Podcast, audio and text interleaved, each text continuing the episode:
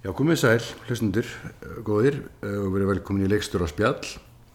Ég sitt hérna með Braga Þór Hinriksinni, þú velkomin. Takk fyrir. Bragi, þú ert náttúrulega, við erum búin að þekkast mjög lengi. Já. Hérna, allt frá því að í gamla daga þá varstu, hérna, svona, já, þú veist svona algjör, algjörur svona mavrik í kvikmyndagerð að því við alltaf litið á, sko. Hérna, hérna svona einhvers konar, hérna, eins og maður sér á einsku renesansmenn, einhvern veginn getur gert allt sko. Og ég man på því að við vorum að, því ég og Gunnarbjörn vorum með þeir tveir kvikmyndagir í gamla daga og vorum mikið farið til þín til að klippa og gera effekta og ég man hún skaust jafnvel einhverja auðlýsingar hjá okkur. Mm -hmm. þannig að þú er alltaf verið svona gæði sem einhvern veginn getur allt sko. Já, svona lausna með það maður Lausna með það maður sko. En hérna kannski bara, já, þannig að, hérna, veist, hvenar hófst þessi vegferð og ákverðu sem að leiti því að verða svona þessi gaur sem einhvern veginn Já, Já, er þetta allega maður í kvikmyndagerð? Það er bara brjálagur áhugi á kvikmynd, hvernig hún er búin til, hvernig er þetta búin, þú veist hvaðan kemur hún og veist, hvernig er þetta búa svona til frá grunni og, og bara, þú veist, þóst í, í þann fróðleik. Ég meina ég er bara lill strákur á Akureyri sko sem að, mm. uh, já, það bara svona með einhverja óhulegu kannski í hjartanum sem þurfti að fylla sem að var bara fyllt á sveipstundu með kvímynd sem hétt E.T. í Borgabíu Myndu þú erst frá Akureyri uppalega? Nei, raun ekki sko, ég flytt ángað fimm ára Já. og við búum þar fjölskyldan frá hérna, 1980 til 87 Já. þegar mamma og pappi skilja þannig að það er svona ákveðið tímbil mjög, svona hérna, já það er ákveðið tímbil í, manns lífi skilju sem að gerist á Akureyri Já.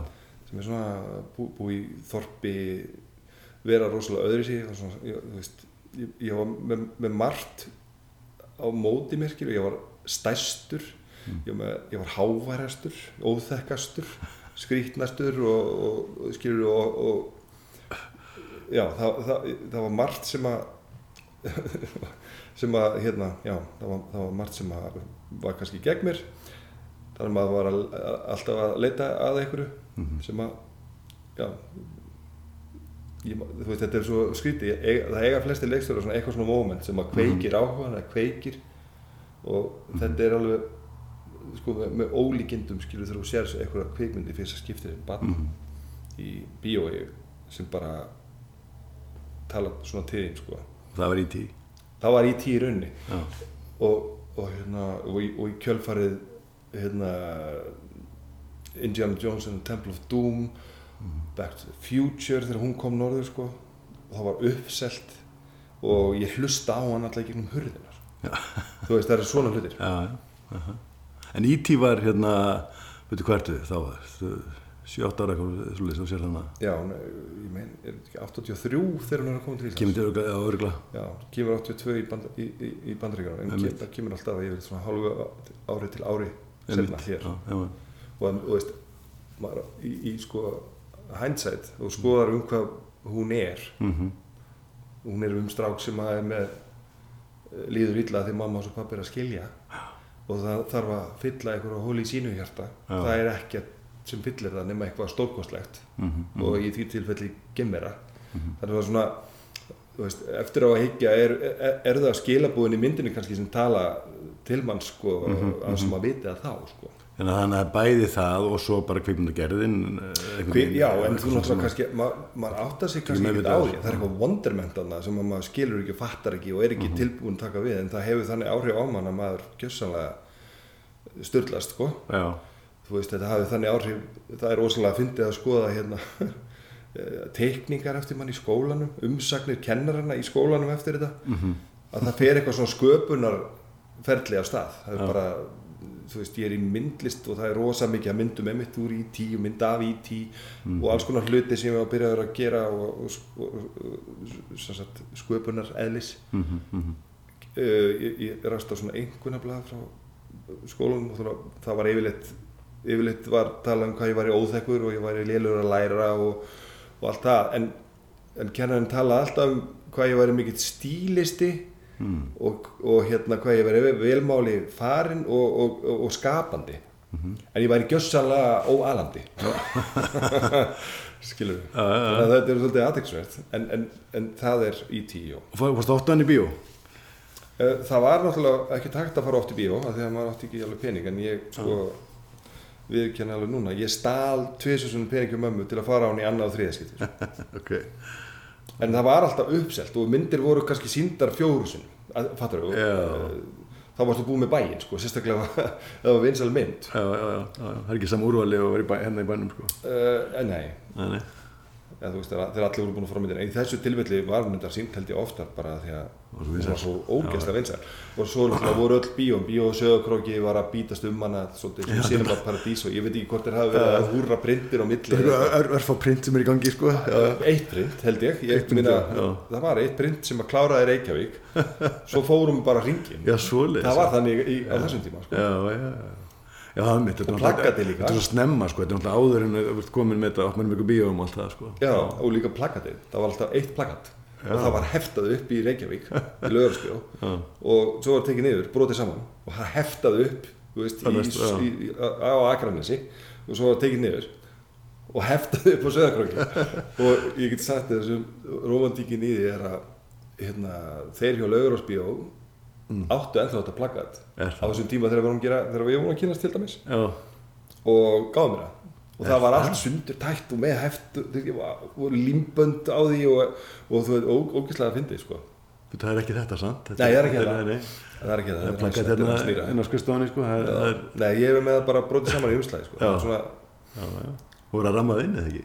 jú, en það þarf að vera það þarf að vera eitthvað sérstæð ég er einmitt að reyna að finna skynur, Já. eins og þetta plakað hérna, taxidræfi sem, Já, já.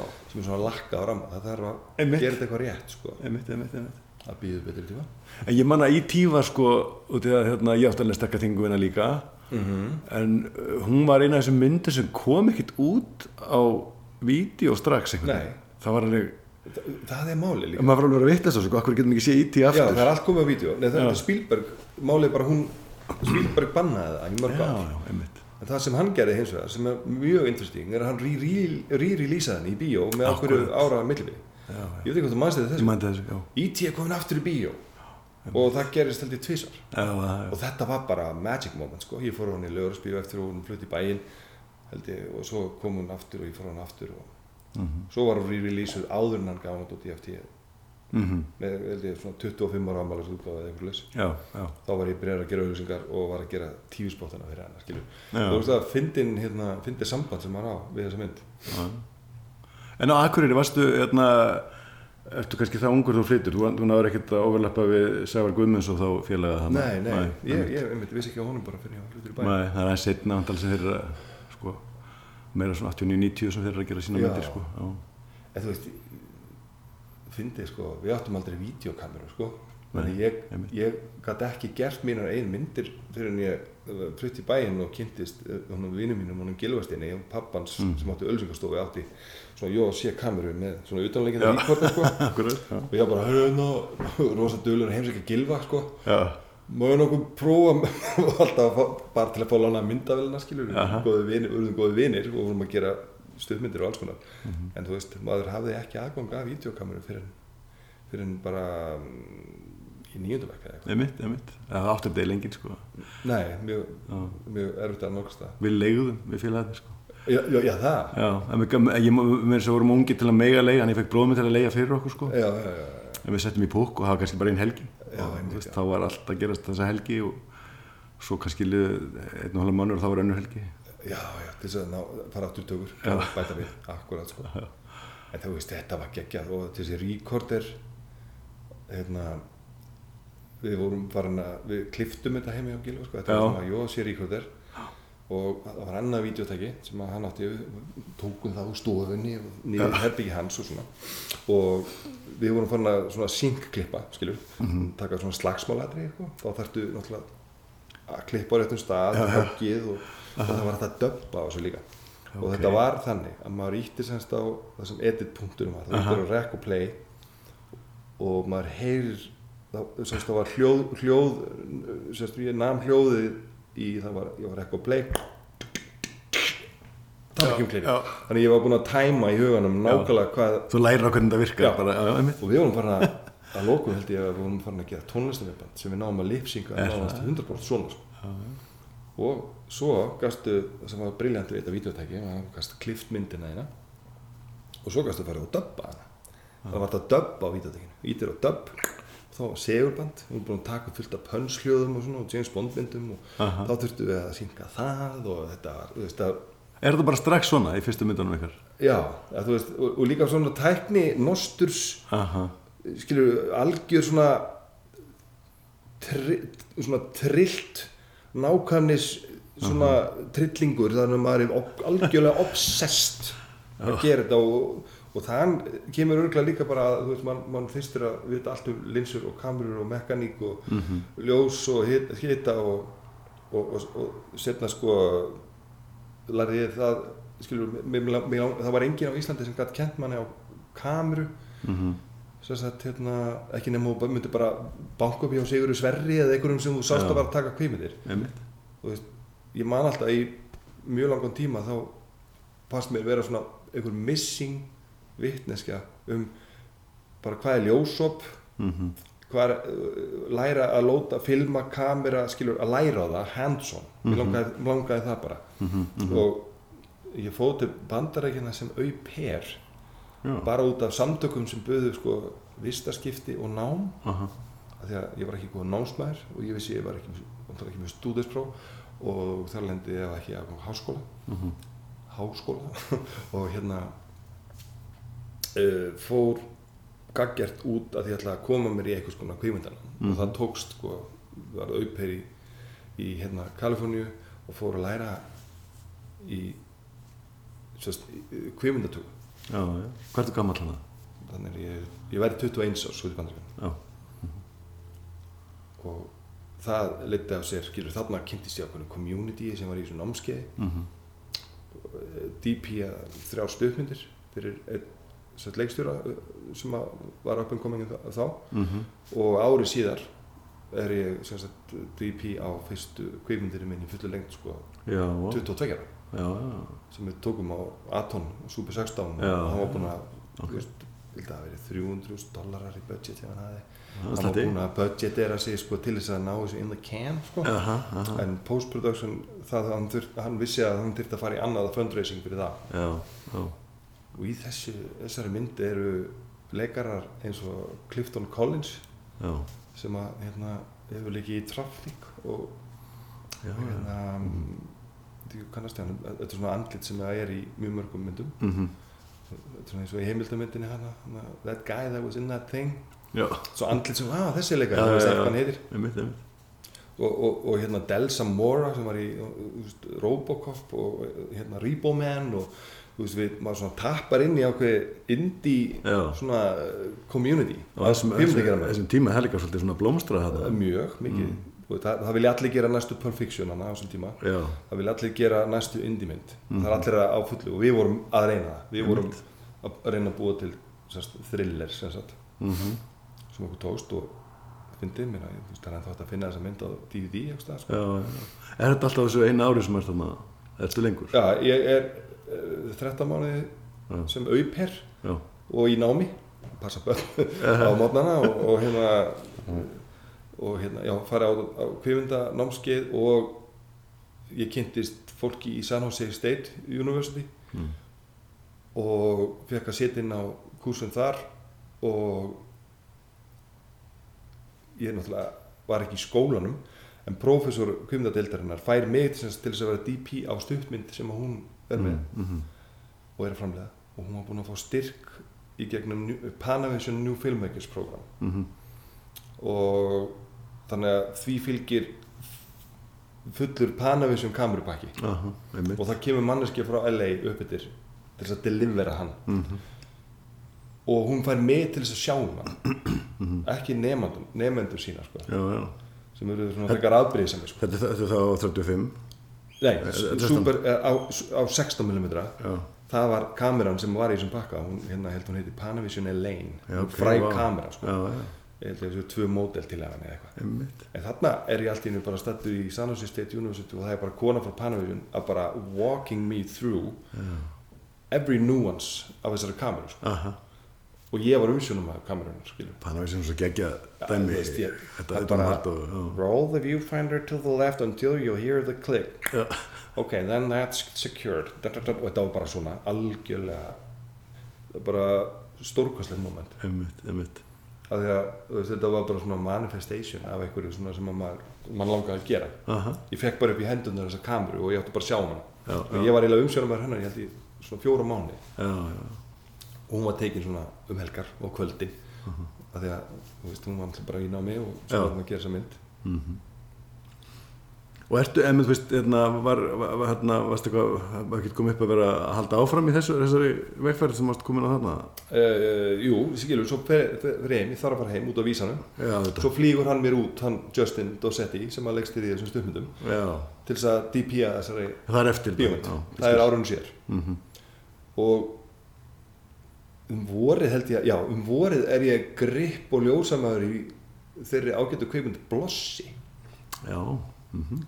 og ég man alltaf hvað mér þótti skrítið að hún var búin að fá styrk og við varum komin í tökur og ég var alltaf, og ég var með handrit en það var vandaði hann endin Já, og Júli kemur alltaf að segja sko, já, Lasse er ekki alveg búin að ákvæða hvað hún enda sko.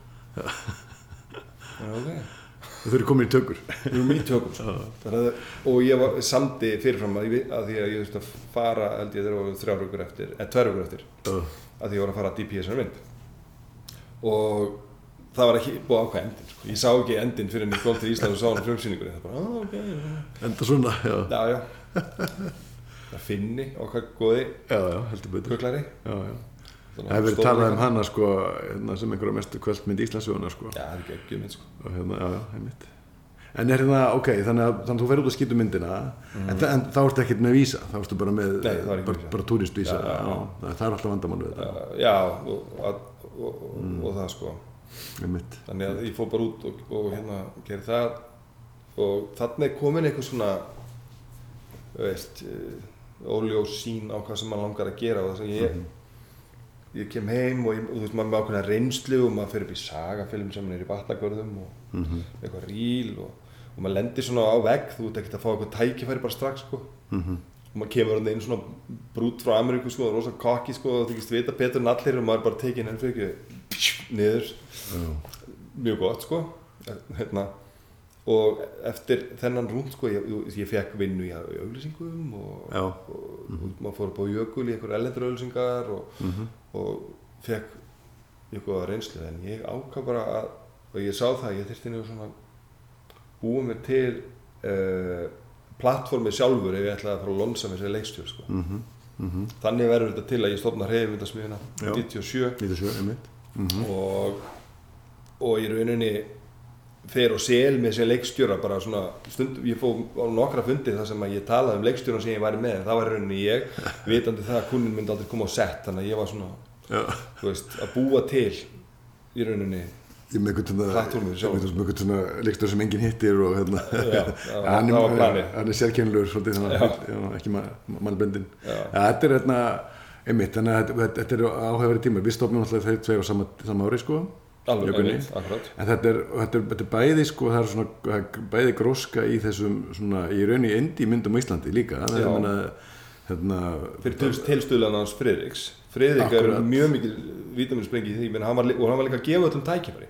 Haukur M var að gera mynd þú veist, allt í veist, Júli. Kemp var að gera myndir og, og hérna, þú veist Ari gerir stikk fyrir Óskar er búinn að gera sótum og gerir perlur og svín og þú veist, það er fullt að er gerast. og, og, það, og þú komin inn í kvimdasamstip vantalega hverskutunni þegar hún var að hitt maður kom að inn og var allt í drastli og, það voru dolly og ljós og leikmunir úr börnum náttúrunar út í hotni og bíódögum og þú veist það var bara svona ótrúlega skemmtilegu tími. Og rosa svona velvilji já, allir bara já, hérna. Allt á nefonum maður. Þeir lánuðu mér arri þú veist 16mm kameru til að gera einhverja auglýsingu fyrir humarúsi ég og Sindri hérna þú veist og það var bara þetta var geggja sko. Mm en það eru líka nokkra myndir sem eru ekkert verið gengum steipuna á þessum tíma sem er bara fólk að gera sjá- sjálft þú veist. Já, hérna, hérna, náttúrulega þetta kvikveimdafélag Íslands eru náttúrulega að gera sitt þarna eitthvað og svo er ekkert svar og fullt að það er svona, er svona þessi indi þessi indi stemning nær hinga má segja sko. 100% 100% og, og þetta, þetta er allt ekki á film á þessum tíma? Að, það var eina leiðin. Ef þú ætla að gera bíómynd þá tekur á filmi Já. en ef, þú- nota bene þetta þetta er þegar Canon C1 já, kameran var að koma. Mhm. það er aðeins setna það er setna, þessi, þessi DV menning sem kemur út á Dogmanu sko. já, mm og hérna mm já, Regina skilur, hvernig er Regina gert? er hún ekki með aldamótin Jú, hún, tek, hún er fyrsta hátímyndin á Íslandi. Já, einmitt, einmitt, þetta, fer að breytast þá sko. Já, já, og þú, þetta er akkurat á þessum tíma. Ég tek þessa mynd út í Ameríku hann 96 og stopna fyrirtæki 97 uh, þú veist, það er að verða eitthvað svona, svona Já, já. breyting Nei, ég menna hátíma, ég held að við skjótum eiginlega allar auðlýsingar, með að flest allar auðlýsingar eru við að gera sem eru vist Já, frá og 1998 Beta, og X, hvað. S6 og S6, já, mitt allt þetta, þessi format sko. Akkurat og þú veist, við raun og veru tekum við þarna eitthvað tímabil sem er í gangi til eiginlega, eiginlega þar til og bara, þú veist, redkímanmarkaðin sem Já. er þetta svona endalust nýtt og nýtt format Já, eitthvað svona, vand, eitthvað svona allir að allir með þess að sína að já, framtíðin verður digital en Já. allir að reyna sig við það og reyna að komast þangað sko. Og einhvers konar furðulega spólur eitthvað, og ég, ég hérna, hérna, því ég gerir sko útskiptamyndina mína úr skóla sem er, þú veist, 2005-06 eitthvað hana Mhm. og þá, þá hún sett eitthvað format sem er ekki, þú veist, sem eitthvað til eitt tæki, þú veist, í bara öllum brillansegjum að þessu. Jú, það var nokkuð Júmatik, jafnvel eða eitthvað. Nei, nei, það, það er nú eldra. Já, ég sé að það er Já. eitthvað það, það var ekki Það var það var aðalega í Ameríku sko. Þú. Já, það var líka til brillandi.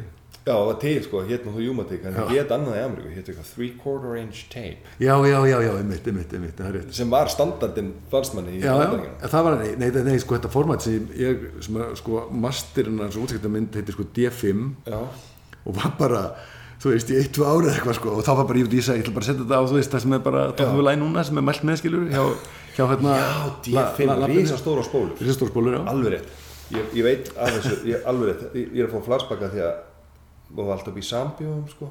Uh, og masterættina myndunum til fjölföldunar á Vafo sem voru á D5 var það, já? Já, ég man að því. Þegar þú segir það sko. Og þetta var bara the shit format sko. Ég aldrei séð svona stórt videotæki sko og aldrei séð svona stóra spólu sko. En þetta var bara smá tíma, veginn. Já, já, svo var bara búið. Einmitt. En hvernig hérna, ok, þannig að þú stofnar heimdasmiðuna Mm. og ert þá, verna, veit ég, hérna, ég uppliði mitt, ok, kannski við vorum bara að vinna þannig saman, sko, já, þú ert svona eftirvinnslu gúrú, sko. Já, Ég áttaði mikið á auðvunir og þessari, þessari dýpirreynslu, sko, örglega þessum tíma. nei, ég veit Þú veist, en bara, já, Ég held, getur- getur ég held því rosa mikið fyrir mig Já, Þú veist, maður er svolítið að reyna að skapa sér sitt identity og svona og. Og, og svona náttúrulega business og, og hérna reyna að fá eitthvað í, í svona eftirvinnslu angan og svona en, Já. en, en þú varst bara að koma þér í það, Já. bara strax eða Já, ekki, algjörlega, við keftum hana fjárfæstum í Avid og Já. uh, hérna, sem var major fjárhusting á þessum tíma. já, mjög mikið þetta var bara lán og VSN og við gerum þetta aðeins setna aðeins, sko. já, er- þetta var alveg brjálæslega fjárfæsting En ertu hérna, en þú veist, og, og hvernig verkefni ertu að vinna hérna þessi fyrstu ár? Þú veist, ertu þá að, ertu að leikstýra mikið þá, eða ertu að, sko, já, ég er að búa sko, við, ég vil að gera þetta þannig að við fengum ég bjóði svona brainstorming tanka stundum með góðu fólki sem að maður mm hérna umgekst og bjóð til hugmyndir reyn, maður reyndi að pinpoint einhverja bjó- og búið til hugmyndir fyrir það og svo fer maður beint til aðilans sem er innflytjandan á þeirri vöru jafnvel eða þannig eða auðlýsingarstofu sem að pinpointa er með rosterinn fyrir þannig kuna og, selur, og reynda að selja þessar hugmyndir. Og, og það tókst. Það voru þessar leikstjórnar þessar leikstjórnarverkefni sem að mm, ég kom að sko og það er svo fyndið svona svolítið eins og eins og maður búið til einhvern hittara skilur mm, að, að ég á þannig hittara í þessum auglýsingum og Mhm. það- sem var fyrir Pop Secret, ég veit ekki hvað þú mannst þetta. Jú, ég myndi svona science fiction auglýsing. Já, ég myndi því, alveg alveg brjálæðislega með hérna full alveg út úr Og með svolítið, með svolítið svona effektum og, Já, bara þú veist, það var að koma bara eitthvað, eitthvað gameskip og náða allt í jörðinni og það sendar flaugar út fyrir guðukolfið og svo kemur sólur upp og þá sést að það er Pop Secret fakki og, og þú veist, maður uppliði svona það var bara allir gulli maggi og allir þessi auðlýsingarleikstýrar sem voru of the line þeir voru bara hmm, þeir voru bara svona svona hrættir öfundsjúkir svona respectful sko. það var bara svona óttablandin virðing í gangi Einmitt. út af þessari auglýsingu. Og þú gerðir alltaf, alltaf þetta sjálfur. Já, en þetta var bara allt framleitt hjá okkur. Ég, ég man við keiftum, mannst þetta er rauða dreglinum já, já. og Kjartan sem að einna í Safin til dæmis. Og Pé- Pétur Óli. Þeir voru með hérna Silicon Graphics eh, tölvu og voru með svona 3D Já. post-production þú veist eh, þarna er Jurassic Park og það er alltaf að fara í digital og þrývít og þeir voru með þessa bara state of the art vél og við gerðum þessar flugvélar og þetta mótel sko þannig að ég fekk bara tilbúið á þeim og það, því var útist til þeirra. Já, já. mhm. en, og samsetningin og allt hjá okkur. Já. Gústi Jak tók þessu ölsingu fyrir mig. Hún tekið á Betacam, SP já. þú veist maður er bara Jesus Christ. Æðislegt sko. Já, já, þannig að það og svo tóku við þetta með fjölni hérna. Það var ein hugmyndin sem var fyrir sína sko. já, svona ísklumpur svona strýta og frosi sína sko, inn í því. Já, og fjölnir ber ofan geggjaður er að boksa sig í gegnum ísin já, já, já, ég menn þessu og það var filmu. Aha, aha. já, þetta, þetta er bara þetta er- svo svipa og við vorum að gera með, þetta veist, já, líka þetta þeir voru líka í þessu að selja hugmyndir á ölsingum og framkvæma frá það til var eina leiðin vegna þess að þú veist, við höfum ekkert sko, veist, það var engi sem vildi ráða okkur og ölsingastóðurnar voru að ráða önnu, önnu fyrirtæki sem voru ra ráðsett í þessu og eitthvað svona þannig að þetta var eina leiðin sko. en þetta er, þetta er líka bara þessi svona já, það er rosa svona hérna eða veist, það er verið að gera mikið veist, það voru Já. bara, veist, hver einasta heilsala var að framlega, mikið af hérna þetta er einn skjár einn og svona, það var bara mikið af leiðin til að hérna, sína öllisingar, sjónvarsölsingar, þannig að það var svo svona mikil gróska fannst manni sko. og og þú manns kannski eftir því að ef einhver var að taka á filmu Já, já. þá var hlusta það var lista, þá var það eitthvað alvöru. Maður, maður, maður fekk að gera það einstakar sinnum. Ég, og, og ég veit ekki hvað þú mannst eftir útbóðið sem var gert fyrir Kristall eða eitthvað. Við, það, það var sko ég já, setur út skilabóð til allra svona kvimda framlegenda og við fengum að vera með. Já, og Pegasus hrefti hnossið. Og það var svona reysa auðlýsing fyrir Egils Kristall. Og, og þá auðlýst þetta hugmynd og það var eitthvað reysa budget og til mikið að vinna. Hún átti að vera tekin á filmu og, aha. og mamma hann bara, oh, Pegasus fekk þetta verkefni. Og maður fylgdist með og það var verið að taka þetta á 35 og Denni var að leikstýra og þú veist, það var svona Einmitt. buzz í bransanum, þú veist. Já, sem er svolítið 35 já, það er nú ha, Það- það- 35 þetta minútur er í filmu, 16, já. geggja sko. Einmitt. Það var bara svakalegt. Já, já. já, það var rosa gaman að hérna, einmitt, að fara, við, við stopum fyrir því utan stuttmynd og svo, þess að þetta gerum það film og fór í gegnum þann prósess sko, uh, blind, Á blindri, á blindri, alveg rétt. En sko, svo, svo með auðlýsingunum við gerum, það var mjög sjaldan sko, en það var stundum þá var koni sem bæði það eða við gátum einhvern veginn selt það sko, já. og alltaf að reyna að selja það sko, sko, ef við, hérna, við getum gert þessu auðlýsingu eða að filma kostar þetta eða hérna, þú veist, hérna, þá er ódýra kostun yfirleitt tekinn sko, já, og, og lí, líka það sko það, það var ekki um að ræða að fá hérna, MG hérna sko. Nei, þú selur hugmynd kunnið segja já. Þú veist þeir voru ekki að borga þér fyrirfram til að kaupa filmuna og skilur, þú bara þurftir að skila jobbinu taka þetta á krít og svo rukkar á heildina. Já, við erum alltaf fyrirfram smá sko, já, þú veist, við, við vorum ekki eitt triðið eða eitthvað, já, það, þú veist, maður var bara svona maður var svo þakkláttur sko fyrir Já, já. fá stórt verkefni já, og þetta var bara algjör learning process fyrir mig og þess að ég fæ sex parta auðlýsingu fyrir hagkaup.is já, fyrir auðlýsingastofu, risastóra sem heitir Mekkano mm. þú maður styrra henni. Já, menn Mekkano og gæðamiðlun runnum saman í eitt. Voru nýri í pósthúsi aha, og þetta Já, eru, eru 7 miljónir í budget minni og, og Magni skaut þetta fyrir mig og þetta voru bara svona pínu litlir svona póstar. Mm. -hmm. tekið á filmu.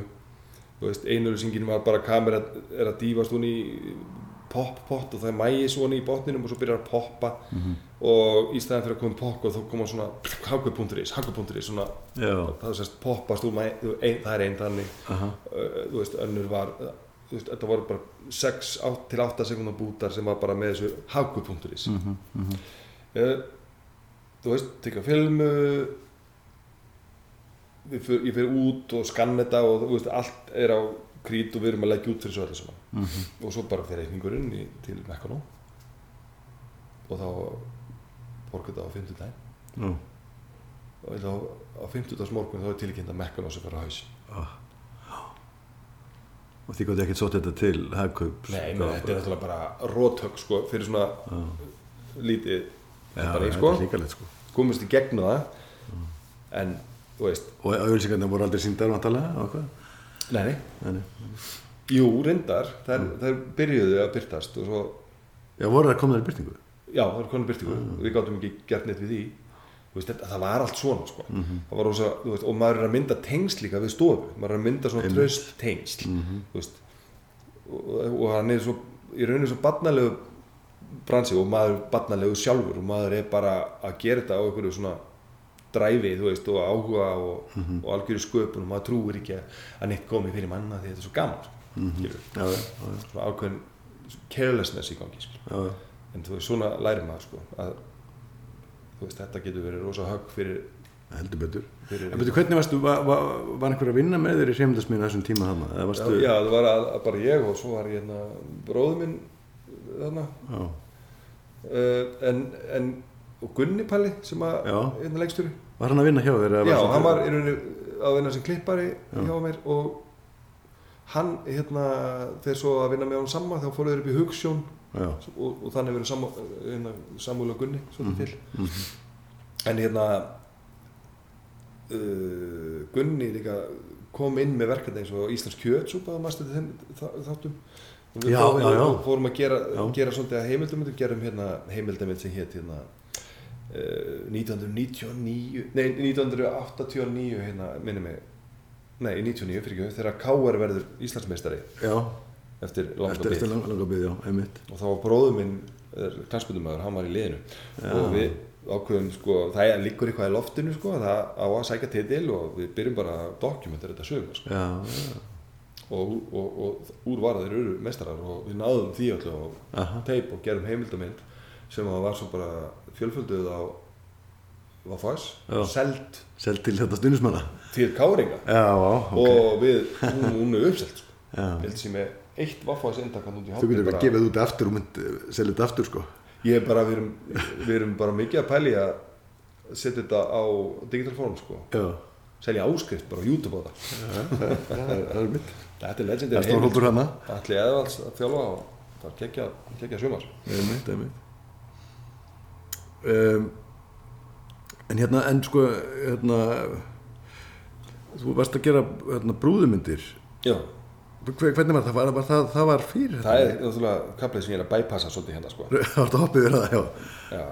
Það- ég, ég var rosalega um Show aðdæðandi þegar ég lítill líka, skilur Ég held að Muppet Show hafi verið alltaf á eða Eitthvað. Svolítið. Ég var ekki að fæstu Já, og minna, þú veist það, er, það er Tom og Jenny, það er Línan og það er Muppet Show. Og svo stundum okkur sundum, þetta er eina batnaðið eða þú veist svona, Aha. sem er í gangi. Og jólin, þá er bara geggjaður dagar því það er bara batnaðið allan Það er bara eini dagurinn á einn árinu. dagar sem bara teiknum þetta trekkunni hvað Ég, þetta, mér stakka minningu á þessu sko Já. Ma, ma, maður vill ekki missa hérna, af Já. veist, það er bara allan daginn dára teiknmyndir sko. Já. já, já. og, og einhvern tímann, ég man ekki hvernar er sínd mynd sem heitir Of Muppets and Men sem var bara baku tjöldin í Muppet Show já. Mm. það var annars svona trillingsmoment sko, sem ég upplýði sko, bara wow, þetta helma og þegar ég er komið hérna sko ég er held sér 13 ára. Gott ef ekki, 13-14 ára. Helga Steffensen er með stundin okkar og er, er, er með brúður þar. Mm. og ég lappa bara hérna inn á lögu bara. Erum Helga Steffensen við? Og bara við langar að leika brúður og ok, kom eitthvað flatt upp að þau og eitthvað svona, tók henni númerið og svo er ég bara farið á Stikisólum því að pabbi minn var að þjóla lið þar. Mm. og þá kemur bara síndal við erum bara að gera jóladagatal og viltu koma í pröfu veist, og ég fyrir pröfu og leika brúður og ég er bara ráðinn og, og er í þrjár vikur bara brúðuleikari á launum bara hérna, og ég kjölfur á því er ég fenginn að leika brúður stundin okkar hjá Helgu og Þannig að þú ert þá semst, að stjórna brúðunum og tala já, og- já, sko, fyrst var mér ekki alveg treyst til að tala fyrir þær. Mm. uh, en vann mig upp í það skilur við bara, fyrst var þetta bara rattir, leikarar að leika rattir og svona skilur við Mhm. og ég fekk að prófa einhver, einhver eina brúðu og svo bætti, bættist við það. Mhm. og þú veist, þarna þróast með manni svona draumur að gera eitthvað svona íslenskan Muppet Show þátt. Sem að maður veit ekkert á þeim tíma hvernig maður á að gera.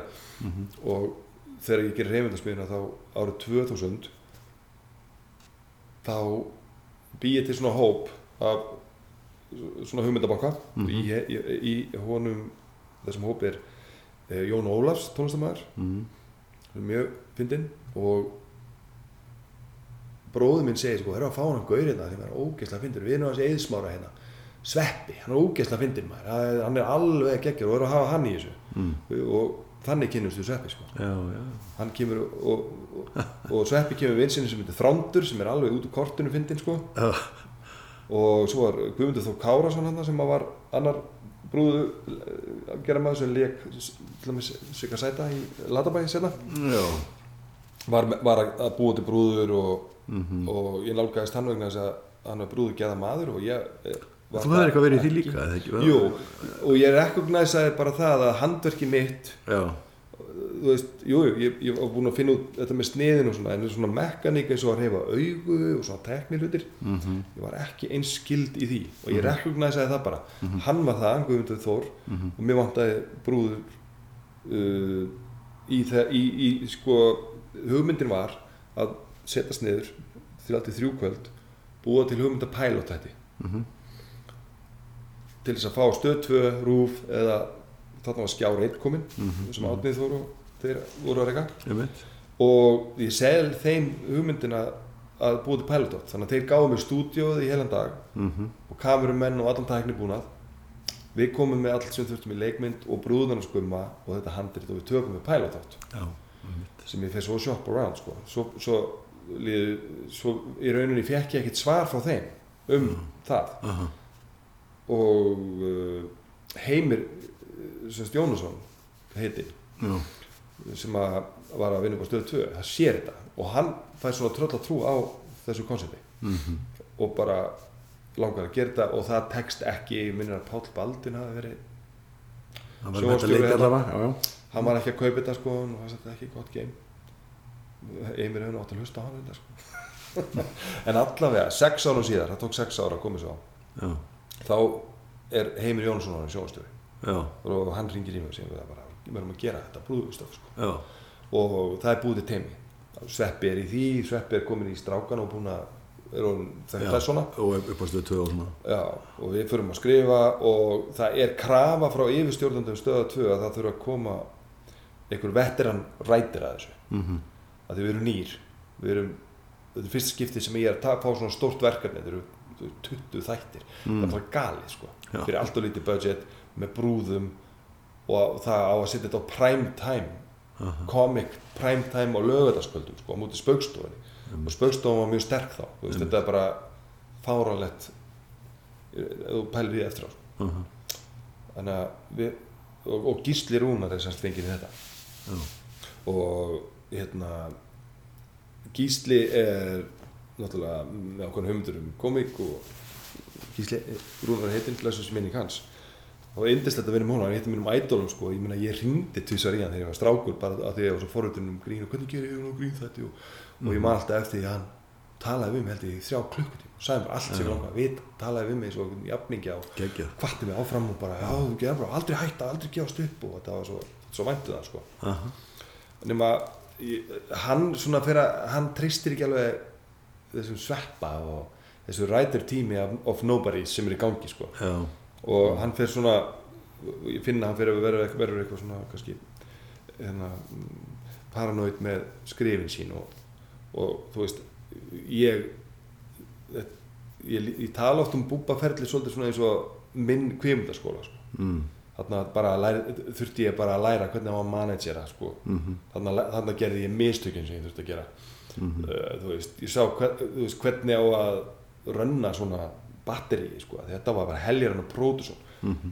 með standandi leikmyndir heilt sumar hérna inni í stúdíónu gamla hjá Rúf Já, sem kvimdaskólan átti og um, í tökum var að rönna þú veist uh, writer room og það var post production og Já. Stefán Jörgen var að rönna þú veist brúðurshoppinu og Já.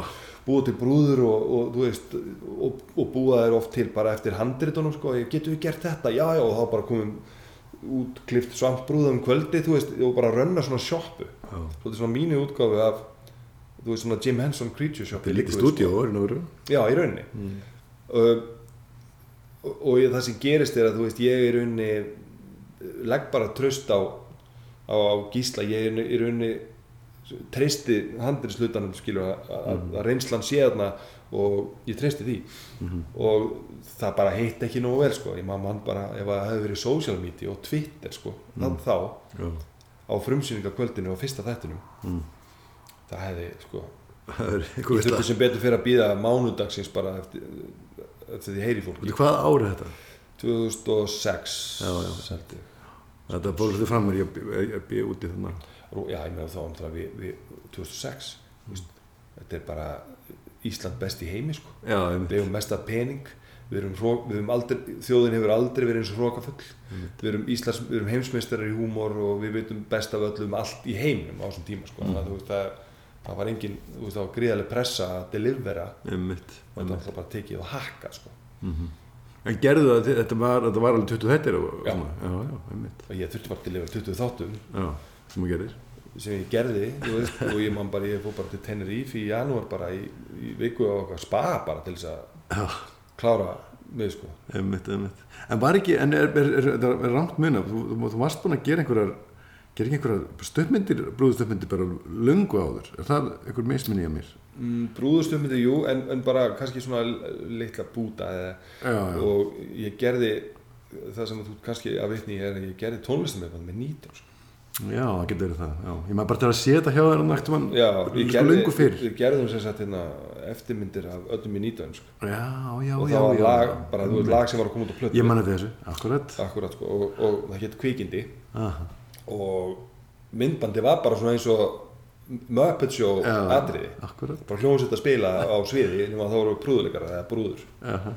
Og, og það var til dæmis það sem hjálpaði til að selja búbana og, og það sko, þetta method Mhm. -hmm. að þarna sá maður mjög vel skilur það var þetta lipsing á brúðunum og, og þessi svona pöngaraháttur í þeim skilur Já, og, það sem okkur langaði að gera sko Mhm, mhm. um, þú veist það er ekki hægt að vera meira hands on. Nei, einmitt. En varstu hérna, hérna á þessum tíma á, að veist, áðurnastum að hreifmyndismiðin og það, Va- varstu með, varstu að gera stuttmyndir, þú veist, varstu með á stuttmyndadögum já, stóti, já, það er ekki, stuðmyndu sem var á já, því? Þar var ég með stuðmynd, já, já. sem að við gerum. Ég, ég, ég, Er það með gilva eða, það með gilvastinni það Nei, nei, það var, það var, ég gerði hana sjálfur á minn einn kostnað eh, með sumavinnunum minni held ég. Já, já, Og ég man, já, alveg rétt, já, ég er að koma til mér núna. Ég man að, að það var svona lokaatrið, það fjallaði um sem sagt, þetta fjallaði um mann sem að er búinn að, sem sagt, hann kennir sjálfur sér, sjálfur sér um dauða kæristuna sinnar mhm, sem dó í bílslýsi og þau voru sáin í bílum og hann er að fara að gangi sjón Mm. og hann og upp úr, upp úr sjónum kemur gamalt maður sem er bara veist, sem er hérna, almættið Mm. sem er eh, sjálfið hans skiluru og, og, og þessi maður kemur bara svona á mótunum, bara upp úr hafinu líka við þegar hann er að hugsa um að er sjálfskoður og, og, og í rauninni heldur bara langan monolog um okkur að halda áfram. Mhm, og þú veist, það er textið sem ég bjóð til og, og ég skauti það og ég vissi bara að það þurfti að vera dolly og krani mhm, í þessu atri og Gísli Gesson sem á, held ég, ljósmyndavörur.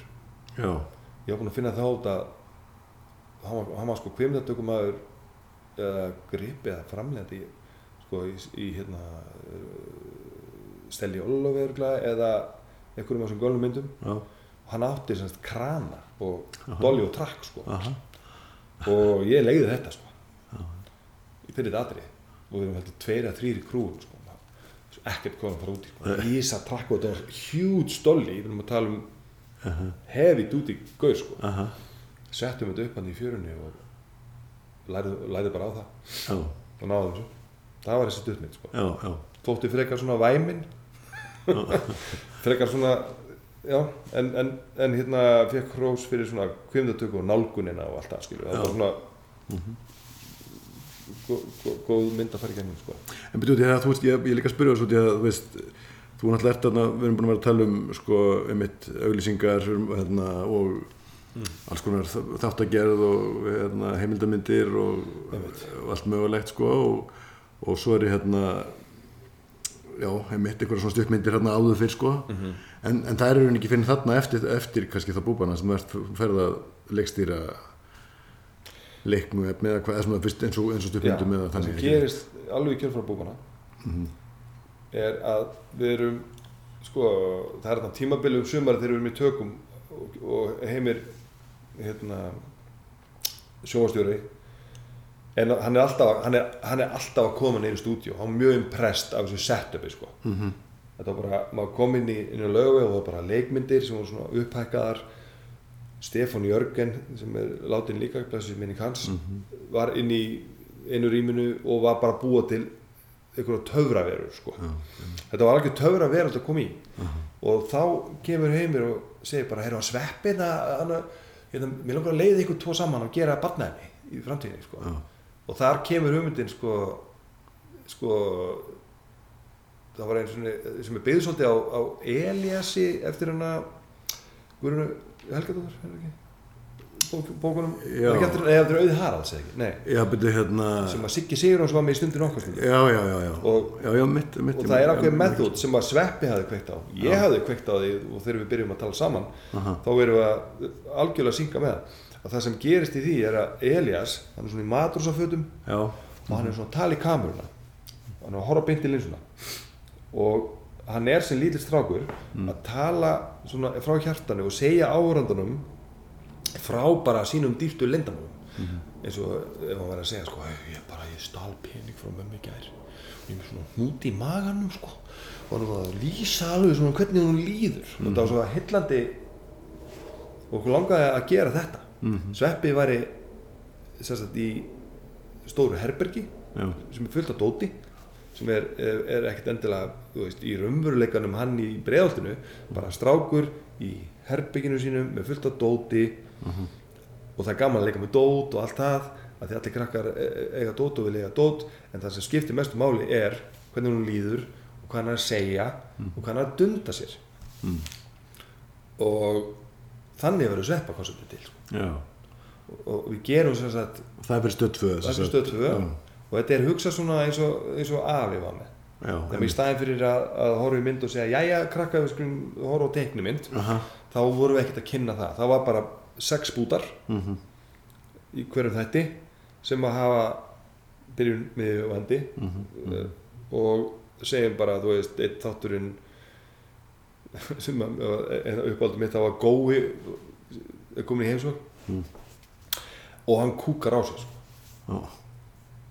Veist, ég maður bara á svona minningu þar sem að einhver vinur kemur og hann kúkar á sig og hann skammar sig svo fyrir að hann vill ekki segja frá því og þeir þurfu að finna lyktina sko og hvað er að þér og það er skömmin í þessu og hvað þú gera í þessu þú voru að láta vita nei þú veist, gast ekki fara á klósit það er svo ótrúlega interesting aha, hvernig þú ætlar að díla við þetta vandamál. Aha. Þú veist, þetta er eitt eitt var bara mér að sveppa langaði svo í dót fjast í þyrla. Já, en mamma segist ekki að hafa pening. Ég veit samt hún á pening að ég sá það í veskinunar hún, hún er ekki að segja satt. Hún, veist þannig ég, ég á alveg skilist að þyrlu og hann er að segja okkur frá því. Hann ætlar að plana að fara að taka peningin og fara að kaupa þyrlu já, sem hann gerir. Og við erum fylgjast með þessu. Hann er alltaf með aukvæmda þetta okkur. Hann fer í veskið og það er bara með hjarta í buksunum, tekur peningin og, og hann er með maganum, segir okkur það aha. fer úr senu, í næstu senu eftir teiknumynd þá hann, kemur hann heim með dóti Aha. og, og það er ekki einmitt, einmitt og hann segir okkur það. Og, veist, og við fundum bara eftir að gera fyrsta sísón og annað sísón að krakkar voru bara mm. sko, þetta var bara eins og eins og sumir krakkar hafa sagt sko, bara einhver- einhver gjöf til þeirra. Mhm. að þú veist, þannig er einhver að tala við þau á einhverju tungumáli sem að ekkert barnafni var að gera. Mhm. e einhver svona algjör nálgun, einhver algjör tenging. Já, og til þess að gera langarsögstutta þá datt okkur í huga að gera svona Christmas special. Mm. og við tókum það upp á þrejum dögum og sögutræðurinn var mjög einfaldur. Svepp er að fara til ömmu sinnur um jólin. Byðin á aðfangadag er ógeðslega löng. Það er allt gamalt heimi á ömmu og boring. Það er eitt sjónvarp og það er ein stöð í þessu sjónvarpi Já. af því að sjónvarpi er svo gamalt. Og, og við ákveðum að það var bara svarkvít sjónvarp líka. Aha. það er allt ótrúlega vel tekið til þannig að það má ekki verið neinu. Mamma er búin að uh, hún, mamma er búin að skikka mig til þess að vera í ógeðislega óþægilegu ullarvesti og ég þarf að vera í því þannig að, að og hann er að segja okkur þetta og við erum að upplifa þetta með honum. Og, og svo ákveðum tíðanpunkti að því að þetta er svo leðilegt þá vill hann fara út í göngutúr og hann fyrir út í göngutúr og hittir annan vinn sem þetta vera Pétur Jóhann sem er prakkari. Og þeir uh, sem sagt uh, lendi í vandræðum og villast nýri fjöru en finna þessu leiðina heim. Þetta er rosalega einfalt, þetta var bara út að leika gera eitthvað prakkarast, hlaupa ekki um garða og fólk er að öskráða og eitthvað og svo fer hann bara heim og þar koma jól basically. Og við tókum þetta á þrejum dögum og þetta er bara sjónvans við klippum þetta saman og það gerist eitthvað magic að þetta verður 48 minna langt Mhm. og rík heldur. Og þetta rík heldur á einhvern hátt sem að færa eitthvað til að hugsa vá þú veist, hvað ok, ég meina, þú veist einfald að hann svo þannig erum við með þrjá daga Já, hljóðmann, grippara einmitt. ég er að taka við erum, og við erum reyndar þarna í, í bara húsi og ömmu minni sem var svona gamalt og snirtilegt og þetta var bara eins og leikmynd þetta var picture perfect sko. Og hljóðsettum þetta og þetta var 48 myndur þetta held við getum gert bíómynd á Já. 6 dögum Já, sögðum við. Það því við erum, einfaldan átt sko.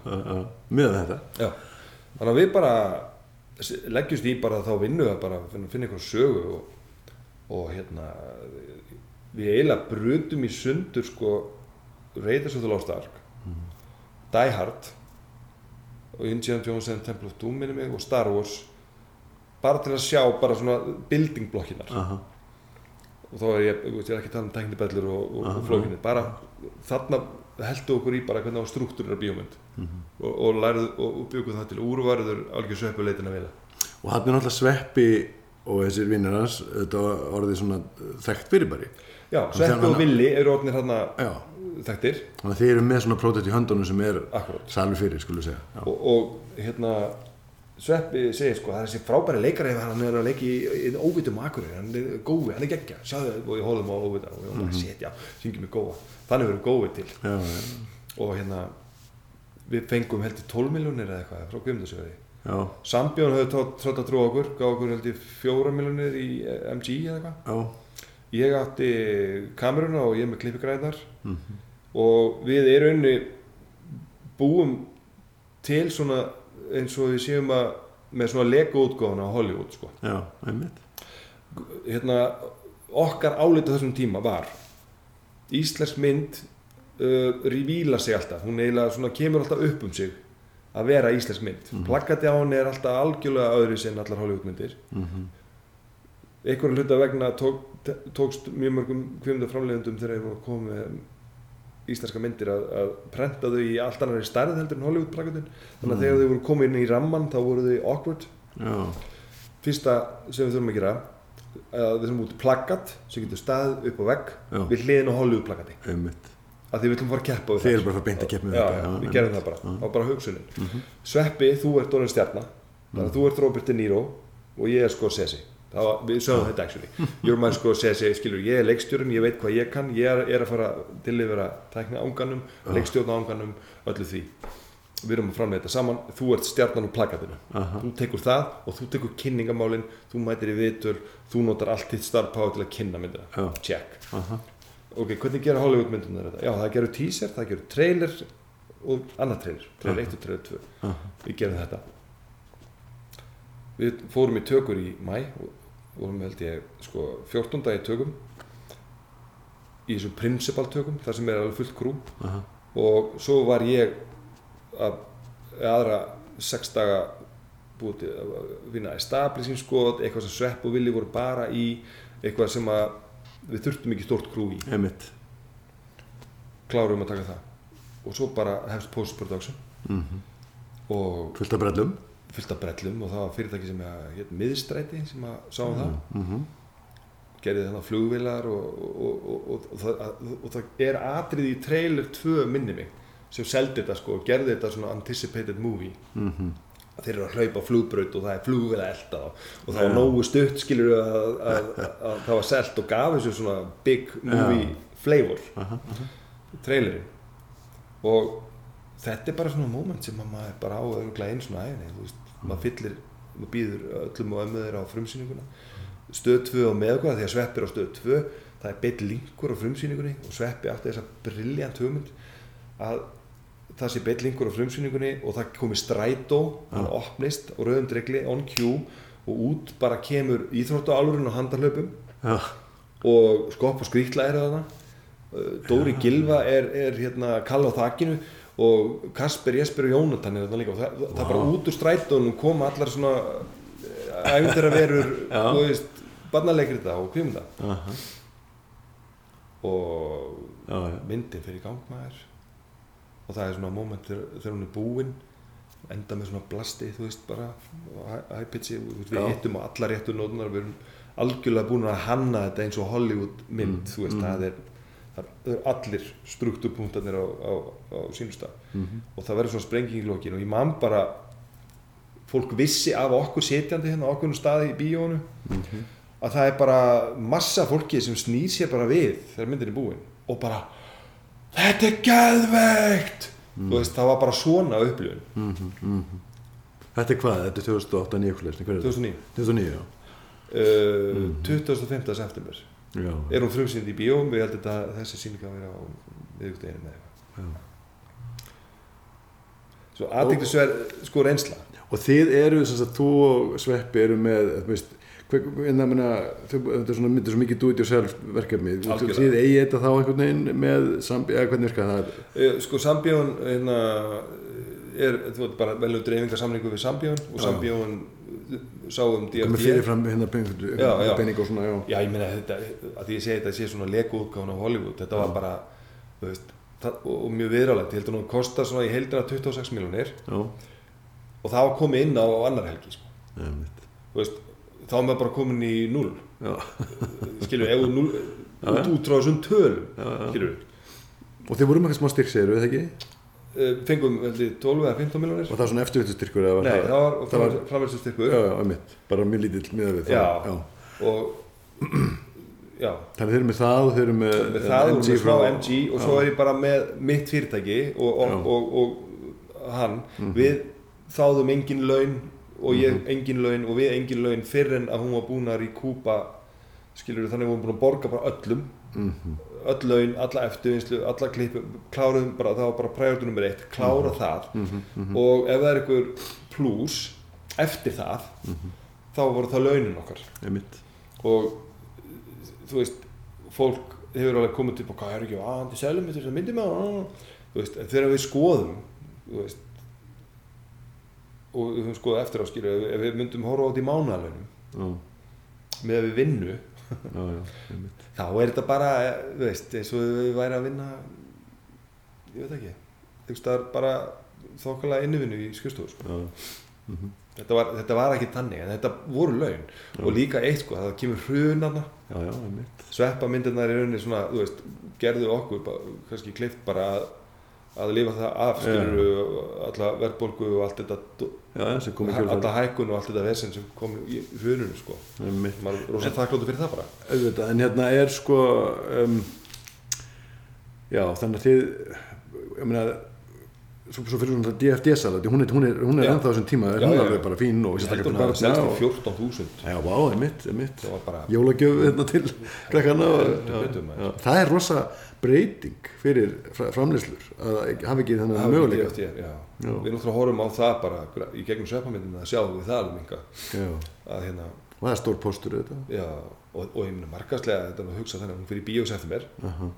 haustið er glögginn, back to school krakkarnir koma, þú veist, bara eins og kálvar bara sem er leift út, þú veist, það voru bara aah, allir í bíó. Hún, hún klára sig uh, fram í nóvember og svo kemur hún DFT um jólin og það kefti hann allir. Þannig eru tveir Hún er svo markaskuggar ný og, það, og þetta er alltaf besta auðlýsing alltaf, alltaf það sem að seldist besta DFT var sem gekk vel í bíó. Þetta er það bara besta auðlýsingi fyrir Akkúrat, sko. það að maður langar að eiga þetta. Nákvæmlega. Í hillu já. og þetta, ok, og þannig, að- þannig að þið komið að gera þessa mynd og hún er mitt í mann eftir þessu, þetta við komum svaka aðtikli og svo er, en svo haldið áfram leikum við gerir fleiri myndir já, það var bara, þetta er bara, er þetta, ár frá ári eða hvernig er þetta svona já, þetta er 2009, 2010, 2011 já, einmitt, og fjórðamyndin Já, hún er 2014 já, einmitt. Já. Um, þannig að þrjú í röð eru því bara, þá er þetta bara svona að gera svolítið eða ekki? Jú, jú, jú, Já. þrjú voru röður við að gera þessa myndir sko. já, og þarna upplifum maður það að maður hafi eh, tekjur til þess að í rauninni þarna verður maður bara svona kemst maður á bræðið á það að ok ég er, ég er actually núna ekki að, að að þurfa að hafa í mig og á með því að gera auglýsinga með já, ég er að gera bíómyndir. Sem þú vildi alltaf gera Akku, ja, veist, þarna, þarna er séð, bara já. sér maður mögulegan á því. Mhm. að, að, við- að taka heilt ár eftir fyrstu myndina til að hugsa og þróa og pæla í næstu mynd. Einmitt, og við bara ákveðum að fara í það. Já, þá kemur þrývít allt í hennu inn bara eftir Avatar. Já. Avatar kemur og það er bara allur heimurinn veist, að, þetta var svo Já, einmitt. og að því við erum í sambandi við Sambjón og við heyrum þetta ekki um Sambjón bara hver, og, og, og, hvernig stúdíóin ná að fá öll bíó í heiminum til þess að fjárfesta í digitalgræðum Mm. og þrývit það var bara allt er í þrývit eftir þetta Einmitt. eftir átar þá kemur hérna, hérna tilkynning frá nýherji sem hér þá Aha. við núna Origo Jó, Jón Sig Kamsson gamli hérna sem var þar. Já, einmitt, einmitt. og hérna það er maður að koma hérna Alistair Chapman frá Breitlandi hann er með svona námskeið í þrývítar kvimdatöku eða námskeið, þetta var ekki beint námskeið þetta var svona hands-on útskýring á því what makes a 3D Aha. og ég fór á þetta. Það var einhvern veginn ekki aftur snú hann er með tvær Sony kamerur. Og hann sýnir okkur það að genlokka synka þær saman og setja þær á svona sleða. Já, og hann er með svona tjarta sem, sýnir, sem er svona starfræði formúlan á að taka í þrývít einmitt. Og við tókum handheld skot í þrývít við tókum static skot í þrývít mm. landscape skot, þú veist þegar þú færir kameruna lengra frá okkur annari til þess að dýfka skotið eða, eða þessi formúla eða þú ert að taka ekstrím nærmynd Mhm. þá þurfa linsunar að vera það nálagt að physically rekast þar á. Mhm. þá þarf það að nota speil. Já, þá þarf það í raun að vera með eina kameru hér sem skýtur í speil svona eins og í prompternum já, og eina sem skýtur í gegnum hann þannig að það geti actually wow farið yfir hvora aðra. Aha. og þannig að hann kennir eitthvað þessa tækni og, og já, baka þrjúvitina ég bara, þú veist, tek þetta allt inn maður. Og við ákveðum bara það er svo mikið þróun í þessu það, að það er komið post-production solution það var náttúrulega aðmálið, hvernig ætla að posta þetta á þess að það sé alveg brjálur höfuverkur Mhm, mhm. og það fyrirtæki sem heitir Cineform sem að býtir svona löst fyrir Final Cut við vorum allir, allir að klippa á Final Cut forriti Mhm. uh, af því að þú veist við viljum ekki þetta þessi er eiginlega sjálfhætt ef þú ert að fara þurfa að handsynka hvert einasta Já. skot Mhm.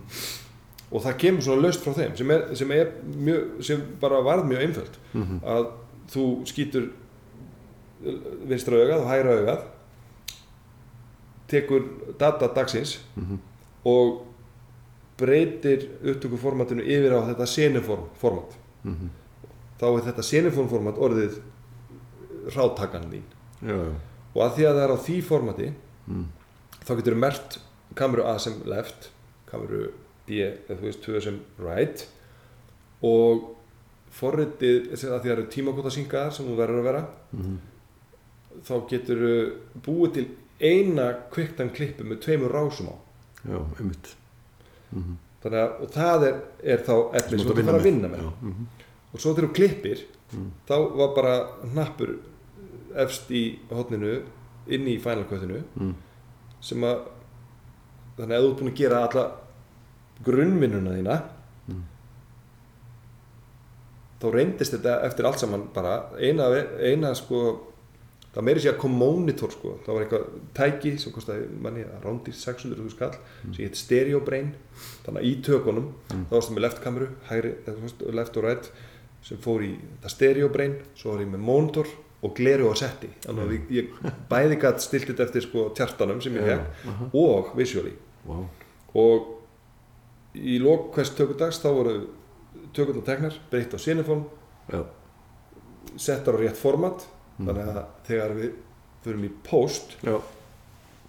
þá er klippingin algjörlega eðlileg bara eins og aha. við erum alltaf að horfa á vinstra augað bara Já, já, já. en við vitum að hægra auga fylgir með þannig að það er alltaf í syngi Þannig að það er bara þegar þú klára myndina þá, það er bara þegar ég klára myndina þá bætist skilur við, þú veist þetta venjulega post- post-process bæt, er að þú lokkar klippi og fer í, greit þá í rauninni þarftu að spýt út sko uh, þá þurftur í rauninni að spýt út bara vinstri rásinni sem svona kviktan ProRes bara uncompressed fælum með þú veist smá hala á hverju klippi ef þú vilt gera þetta í solv eða hvað sem þú vilt gera í postinu og svo þurftur að gera það aftur og stilla á rætt þá hendur út já, hægri auganu svo fyrir bara greitið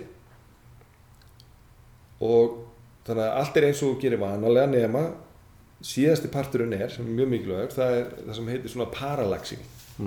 Það er að setja með þrývítar skjá uh, ekki minn en 55 tómur. Og stilla í rauninni sko Já. parallaxin á hverju skoti skil, á hverju senu Hvert einasta sko, já, já. Já, en þú veist, ég var búinn að gera þetta náttúrulega setti, allt samkvæmt kungstarinnar reglum, Já, að gera rétt til að taka close-up og gera rétt til að taka wide, en það þarf alltaf að tvíka þetta eins. Mhm. Af því að hættan er svo að, þú veist, með vítskot, þú veist, master, víðaskotið, mm Mhm. þrý aðlar í rama, svo ertu með close-upið, close-upið, close-upið og eitthvað inserta einhvern hlut, jafnvel. Mhm. Ef þú lagar ekki parallaxin, þá er upplifunin bara eins og þú allt í einu getur ráng, skilur, þú getur fokkað þannig í augunum að þeirra allir vera rángeðir á þessu klippi. já, já, Þannig að, veist, lærði, þetta var vá. það sem ég fór í gegnum að læra líka Já. og þetta tókst. Þetta er- frumsýndum hana 10. september. Þetta er minn tvö. Já, Já. frumsýndum hana 10. september Aha. og þetta tókst. Og eru á pari við Já. aðrar Hollywoodmyndir aftur. en, Aftur, aftur, Já, já, tekst okkur ekki þetta sama sko. já, já, mitt er mitt. Fyrst íslenska þrýttimyndin og eitthvað.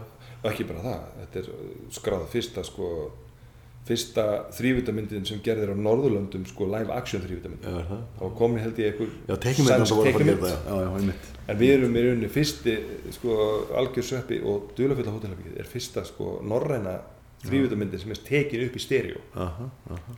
sem er ótrúlega góð, góð, já, góð staðrind Og þetta virkar allt mjög vel. En hvernig, hérna, talandi um þetta, Mm. hafa sveppamyndir eitthvað farið veist, erlendis? Nei. Nei, þetta er bara íslenskt það er búin að fara erlendis Já, en, en, en er okkur bóðið á hátíð sko, og í hver skilt sem við fórum á hátíð við fórum á junior, Stockholm Junior Mm. fórum í Lübeck fórum uh, í Ólo og Mhm.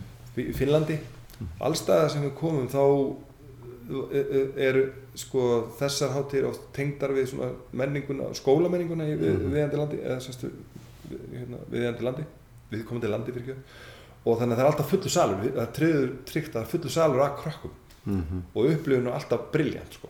maður bara eins og í Löbekki Þískalandi við erum að frumsýna þriðjumyndina þá vorum við að labba út í götu og sveppi bara það, krakkar snýru sér úr hástunum þekktu hann Aha.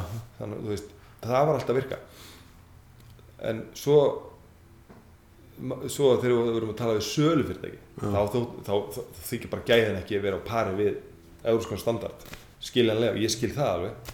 En ekki, ekki fyrirgefið sem barnamynd eins og, eins og, og, eins og, eins bara fullornir aðalar skilur þau sjá bara ekki sko, þau sjá ekki þau, þau, þau sjá ekki lengra en bara fullorinn maður að leika bann Já, já. en allir, allir í bekknum eru nýjára en þeir eru fullornir þú veist, það var bara vonlust að með þessi að útskýra hvað þetta er. En ef krakkarnir eh, fíla þetta og vilja þetta þá það er ekkert það það og skipta- ekki. Skipta þannig að hún, að fór í, hún fekk ekki dreifingu eða þessar Nei, myndir fengi ekki dreifingu. Heldur þetta myndi vera öðru sér dag? ég veit það ekki. Bara með, þú veist, eh, öðru sér optionir í stríminunum og öllu þessu sko. Mögulega en ég held að sé líka bara þú veist það er svona ákveð homemade blær, homemade blær yfir þeim sko. Veist En að það er allt í þú veist, það er allt í veist, sko. það- það- Slíkt er getur alveg verið fyrirgefið já, já, já, já. Ég, sko, ég hugsa alltaf skilur mannstöndu myndinni hérna og Billy Madison með Adam Sandler? Já, ég ekki síðan það sem hann leikur svona, hann fyrir í grunnskóla aftur það er bara algjör auðli, pappa sem fór ríkur og hann hafa sér svo smábann það er svolítið svona finnst mér eins og það. Já, þó að hann náttúrulega auðvitað á þeim aldrei sem hann á að vera það er ekki verið að hérna, messa við það að þeir eru fullundir og eiga að vera nýjára mm Mhm. við erum svolítið að gera þetta eins og er gerst oft bara í leikritum og sviði sko. Ömmit, ömmit, ömmit ég veit ekki hvort að það sé bara sér íslenskt eða eitthvað allavega, Hm. okkur tókst ekki að selja það erlendis, nei Mhm. en hérna það er alveg ótrúlega sko, hvað það eru að ganga vel inn heima og þá er ég að tala um bara þetta í dag sko. Það En það er ekki verið þannig, já, einmitt, einmitt, nei, nei, ég meina, ég mín- benn horfði á þetta allt lungu setna, sko, ég meina vinnu minni á eitt ára strák hann er bara, já, hann er bara komin sveppamindið það er bara kynslu eftir kynslu eftir kynslu það er, skilju, sýstur hans er að sína það er bara sískinni að kynna þú veist, það er svona endunín og Það er náttúrulega með þetta, með þetta senara myndum, sko. Það kemur alltaf, alltaf nýr hópur bara Ég mjög reglulega. ég veit það En, en svo er líka náttúrulega, sko, það náttúrulega auðvitað er, þú veist, einhver leiti, sko, húmor er oft svolítið lokal, þú veist. já, það- sem hann er í þessari vill Já, og við erum náttúrulega bara all over the place sko. við, við erum með rosa senu það sem að Egil Ólafsson er að leika skilur, já, skilur, og í endan á senunni kemur sveppi aftur inn og segir hörru Egil, þetta var rosalega vel leikið hjá þig sko. maður bara trúir öllu sem hún segir sko. eigðu það fyrir þig veist, hvernig ætlar að Þú er, er erfitt að hvað því ætlar að þetta, sko. já, Já, já, einmitt, einmitt. En þarna, en, en á þessum tíma gerur aðra mynd sem er, sem er samt eh, svona í skildu sjönra, sem er Harry og Heimir. að hún er, það, það er líka svona þekkt konsept, auðvitað er hérna ertu með veit ekki, það er ekki leika börn, sko já, þetta var svona naked gun myndi mín sko. já, Þú veist, þannig séð, sko. já, já, já, og líka að hérna, eftir þriðju myndina aha, þá er ég orðið svona uggandi skilur maður er með ákveðið markmið í lífinu ég ætla að búa til minn fyrir þessi leikstjóri já, en ætla ég bara að gera sveppamyndir nei, Einmitt, þú einmitt. það, það gerðist eiginlega svona by happy accident sko. aha, þannig að hugurinn stend alltaf á, á eitthvað meira. Mhm, öðruvísi mynd, skilur að þróa mig þroska mig, skilur ég hef miklu meira að segja. Ég hef miklu, miklu meira erind en þetta sko, Mhm. og það hafi gert sko. Og, og, og, og fólk vill flokka mann sko. Mhm. það er rosalega þægilegt það er svo auðvelt að flokka Já, og líka svona þægilegt að hafa mig í barnadildinni sko. Mhm. Bræði, hann svo, veist, hann, það er svo, veist, og þannig að þegar ég kem og, og ætla bara gera eitthvað alvarlega mynd, þá var allir bara, hmm, hvað göndu það? já, að þú veist, átt, neða, já. þú veist, hvað þetta, ég veit, svona, þannig að Harry og Heimir var rosa þakklátt, hún var helst til of skild kannski, Er, sko, hún er skildi í svona einhvern veginn í brellum í svona einhvern veginn, einhvern tónu og svona sko. Og ég man eftir þetta, hún, ég, ég fylgdist með hún er búin að vera í þróun hana, og, og svona. Og svo man ég eftir að hérna, ég held að það hefur verið í skúl í Sixax og sagði mér, já, að bara ég ætla að gera þetta ég bara, já, það er rétt, að þú veist, það er einhvern veginn já, hérna, út, af, út af því að það, það krefst ákveðna hæfileika sem þú veist já. alveg búin að vera að sína í söpmyndunum sko.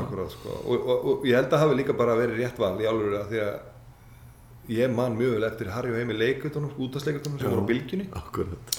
og Já, já, ég hafði mjög sterkar skoðanir á því hvernig átt að gera þessa mynd bara strax þegar skúli ringir í mig og spyr hvort þú veist, hann bara droppar þessu á mig out of nowhere.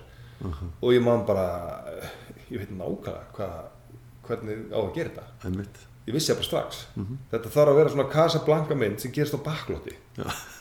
alveg og leikritin. Leikritin eru að gerast í útastleikrit þau eru útastleikrit en þau eru að gerast í stúdíói þar sem að þú getur átt að vona því að lesarinn dettin einhver tækniatrið dettin allt. Það leifist sem margt já, og ef hún gerist á jökli eða eitthvað, þá þarf það að vera bara gerfilegur jökull.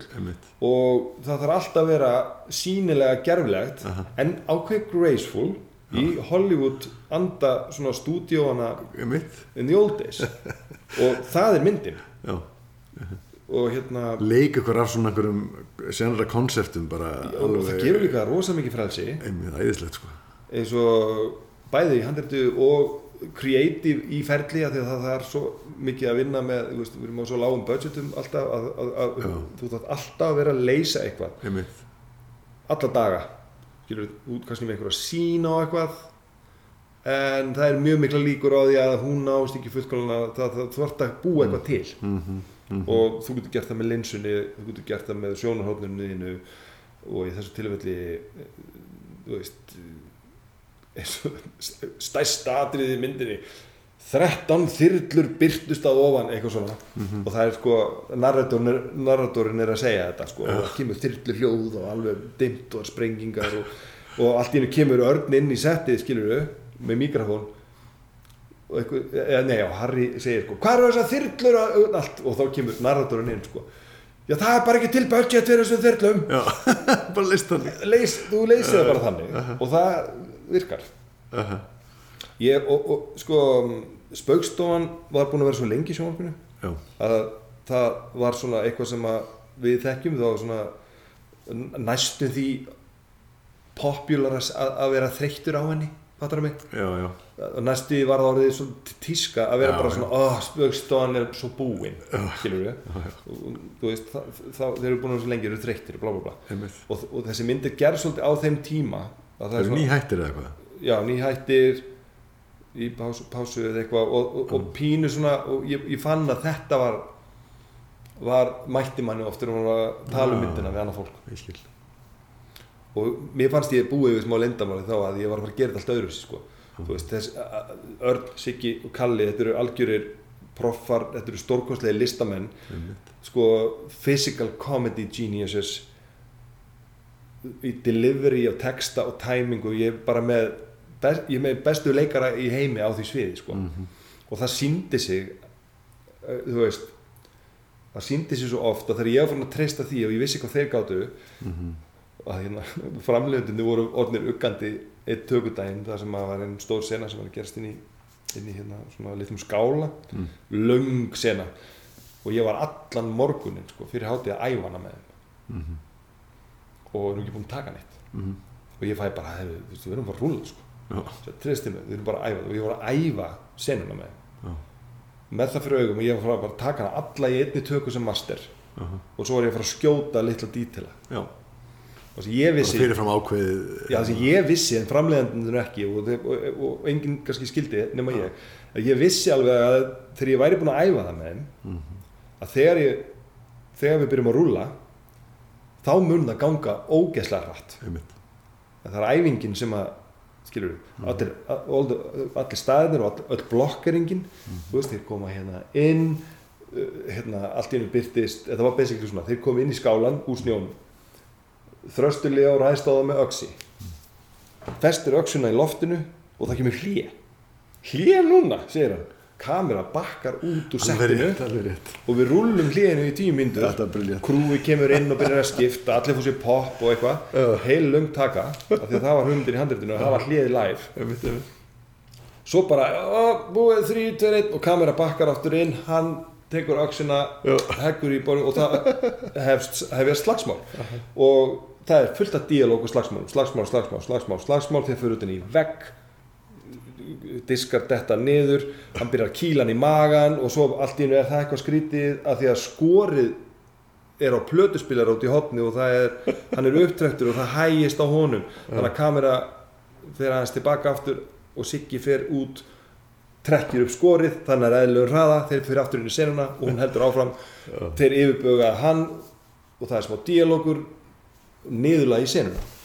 Þetta er alltaf æfa fyrir hátti svo bara ég held að við erum búin að undan áallum þennan dag.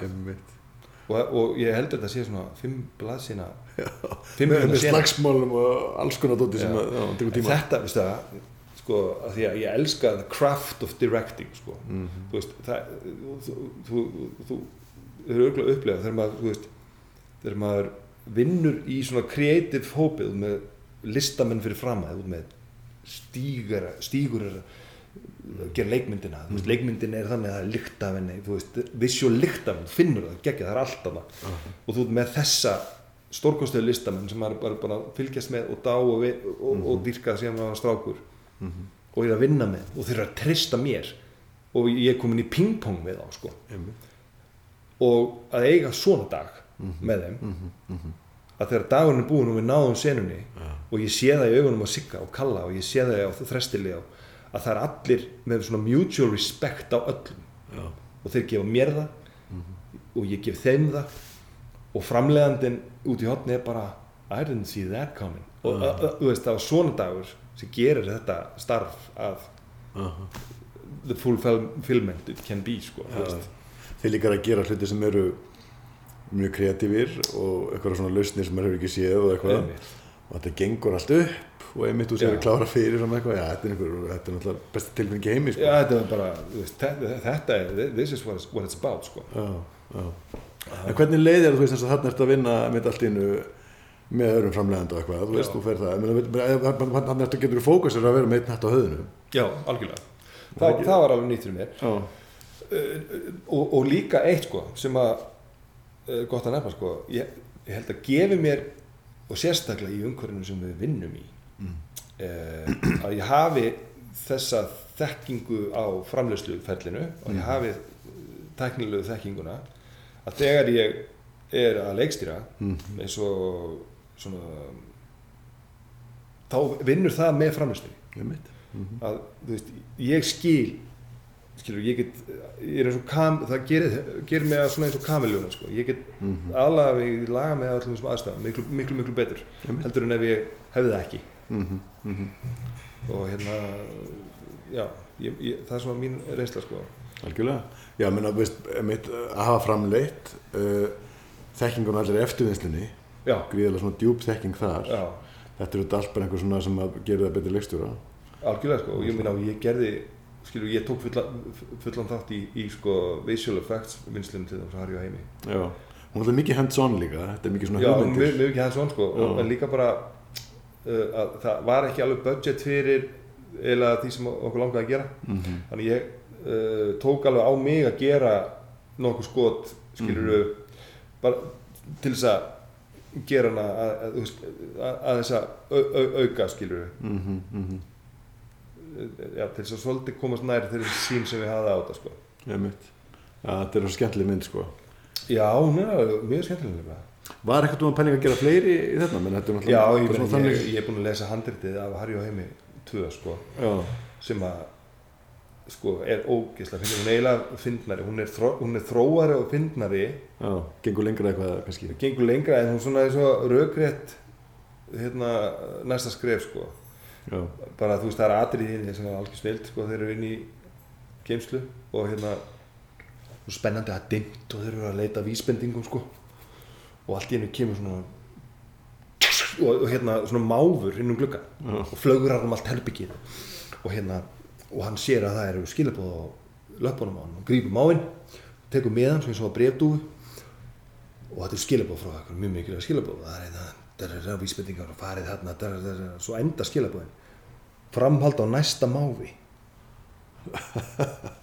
annar máfur með öllski þú veist þetta er snilt framhald á næsta máfi já, gott. Já, já, já. Einmitt. En það, já, en það, það hefur ekki orðið að vera líka allavega ennþá. Nei Ég held, ég, ég, ég þáttum ekki að ég, hún, ég held að við 14 húsum manns var á í bíó á frumstundum páskana Já, það var svona, það var, já, það var lett án í, í box office á henni sko. Já, já, já, já. uh, en ég, ég fekk alveg sko ég skinniði það, ég upplifði að það voru ekki margir sem trúðu á þessa mynd Mhm. Mm. við komum aftur á spaukstofu element Já, það, það- heldur mjög margir að þetta er því bara hérna eitthvað spaukstofu mynd Já, einmitt. ég gerði mitt eins og ég gat til þess að uh, gera það ekki þannig heldur nálgast þetta orginal Harry Heimis Já, já. element sko að, að reyna að gera eitthvað alveg nýtt og held að það alveg tekist en ég held að fólk hafi bara ekki skilað sér í bíó en, en hún fekk mjög góða dóma og allir sem sá hana og allir sem hafa séð hana og þegar hún sínd á rúf sko þá var mega áhóra á hana og Já. hún er náð svona smá following sko Já, já, já. Já, hún er skemmtileg og gengur vel upp, sko. já, Og veitum náttúrulega, er hún, við talda fyrir sjálf mig, sko, hún er þetta alltaf, hérna hafði mér að tíminn eins sveppmyndina, sko. já, já, já, já, að þú veist, hérna, já, ég var rosa og peppaður production value og Gjafn líka Átni Fíl tók hana Já, einmitt, einmitt. frábær Va, einmitt, Lúkja, sko. þú varst búinn að skjóta, þú skoist uh, f- fyrstu sjálfur, sko, með hinnar? Nei, fyr- fyrstu var hann Jóhann Jóhanns Hann skjutur hana, já. hann skautir henni fyrstu þrjá sko. Já, er það, já. Ok, ok. hann Ívar Já, já, já, svo varst þú bara sjálfur ekki einhverja pick-up daga eða eitthvað. já, já, já, ég, ég er henni sá um að fara í pick-up dag þú veist, einhver landslagsskot og, og hérna einmitt, ok. já, já, hann er, tök, hann er hérna einmitt, vinnur meiri þessu. Hvernig út af því að núna er þetta myndir Mhm. allt saman sem eru rosa svona hérna já, eru, eru miklar visual pælingar og oft Já, já. mjög flóknar og svona, þú veist, er þetta storyboarda hjá þér eða hvernig ertu svona vinna Ég- þetta stundum.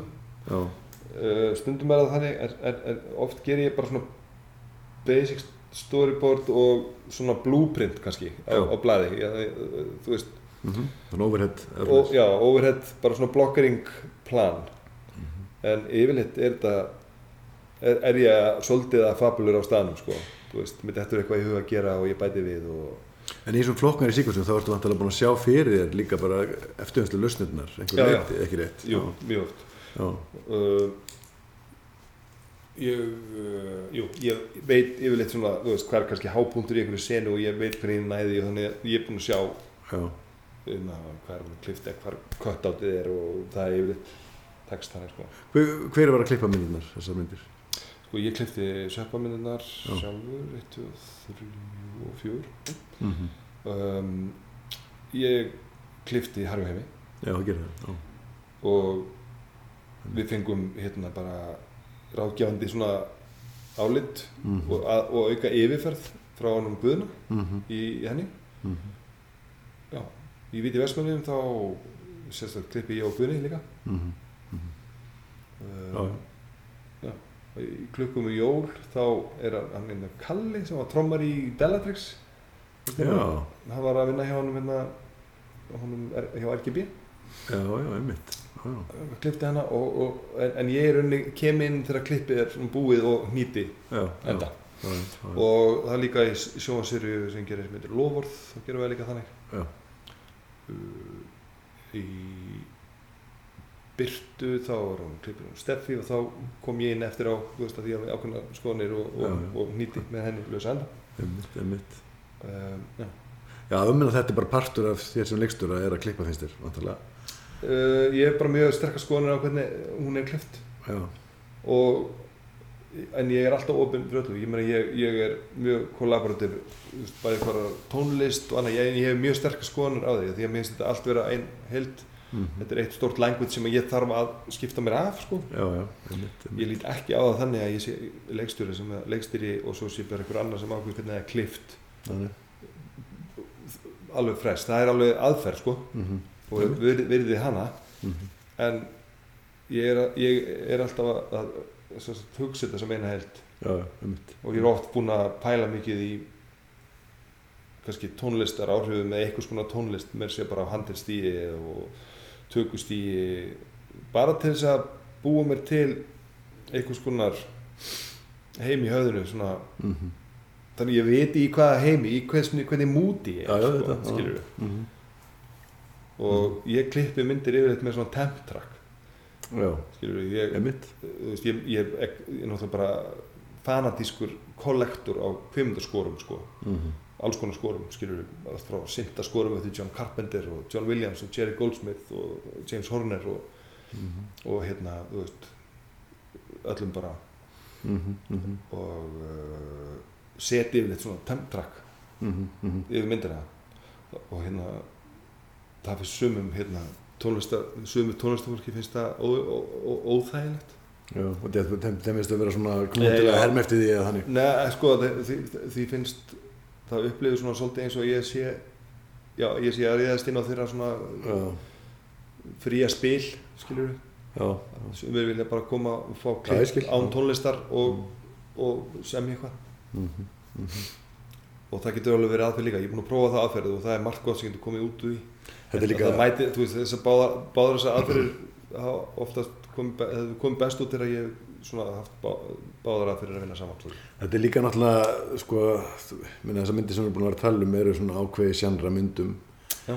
og það, þú veist, þú ert að gefa, minna, þú, þá er tónlistin algjörlega órjúvanlegu partur ákveðin tegum tónlistar einhvern veginn af því, Já, það sérstaklega herru heimi kannski, já, já, já, veist, og þannig að það er einhvern veginn, eh, það meika sens, sko, og meðan, þú veist, í kannski einhverjum öðrum verkefnum þá er, þá getur tónlist verið að gera eitthvað allt annað sem maður sér ekki fyrir, skilur, það er náttúrulega líka bara, þeim, það kannski verkefni sem stýrið í, sko, það er alveg 100% rétt og stundum ertu líka búin að kannski temptrakka eitthvað eitthvað stóra senu. Já. og svo horfur alltaf myndin í heild og þá er það bara og serðu bara að það er ofvikið og, og það tekur út þennan temptrakka þá bara allt í einu kemur nýr fókus eða myndin veist, skerpist eða er, sko. þetta er bara, er geggja ferlið þegar þú ert að klippa, þú veist, það er svo, það, það er eiginlega þar sem þetta verður til svolítið, sko. Já, einmitt, einmitt. Já, já. En þú ert hérna, eins og til dæmis uh, í Herri og heimi, þá ert þú ekki að skrifa eða kemur inn í það, hvernig var það? Nei. Þannig að þú veist, þú ert ekki eins mikið, maður að segja, einhver sem er bara gangið með í maganum og fara með þetta, þú veist, alveg frá að til lög, það er ekki alveg eins mikið. Var, alveg klárt. Já. Uh, Þú, þú kannst ekkert inn í eitthvað svona loka rýræti af því eða hvað? Nei. Nei, bara tekur við því. Já, mér varst það mjög þægt og mér finnst það rosa gott þegar það kemur bara handrit og, og Mhm.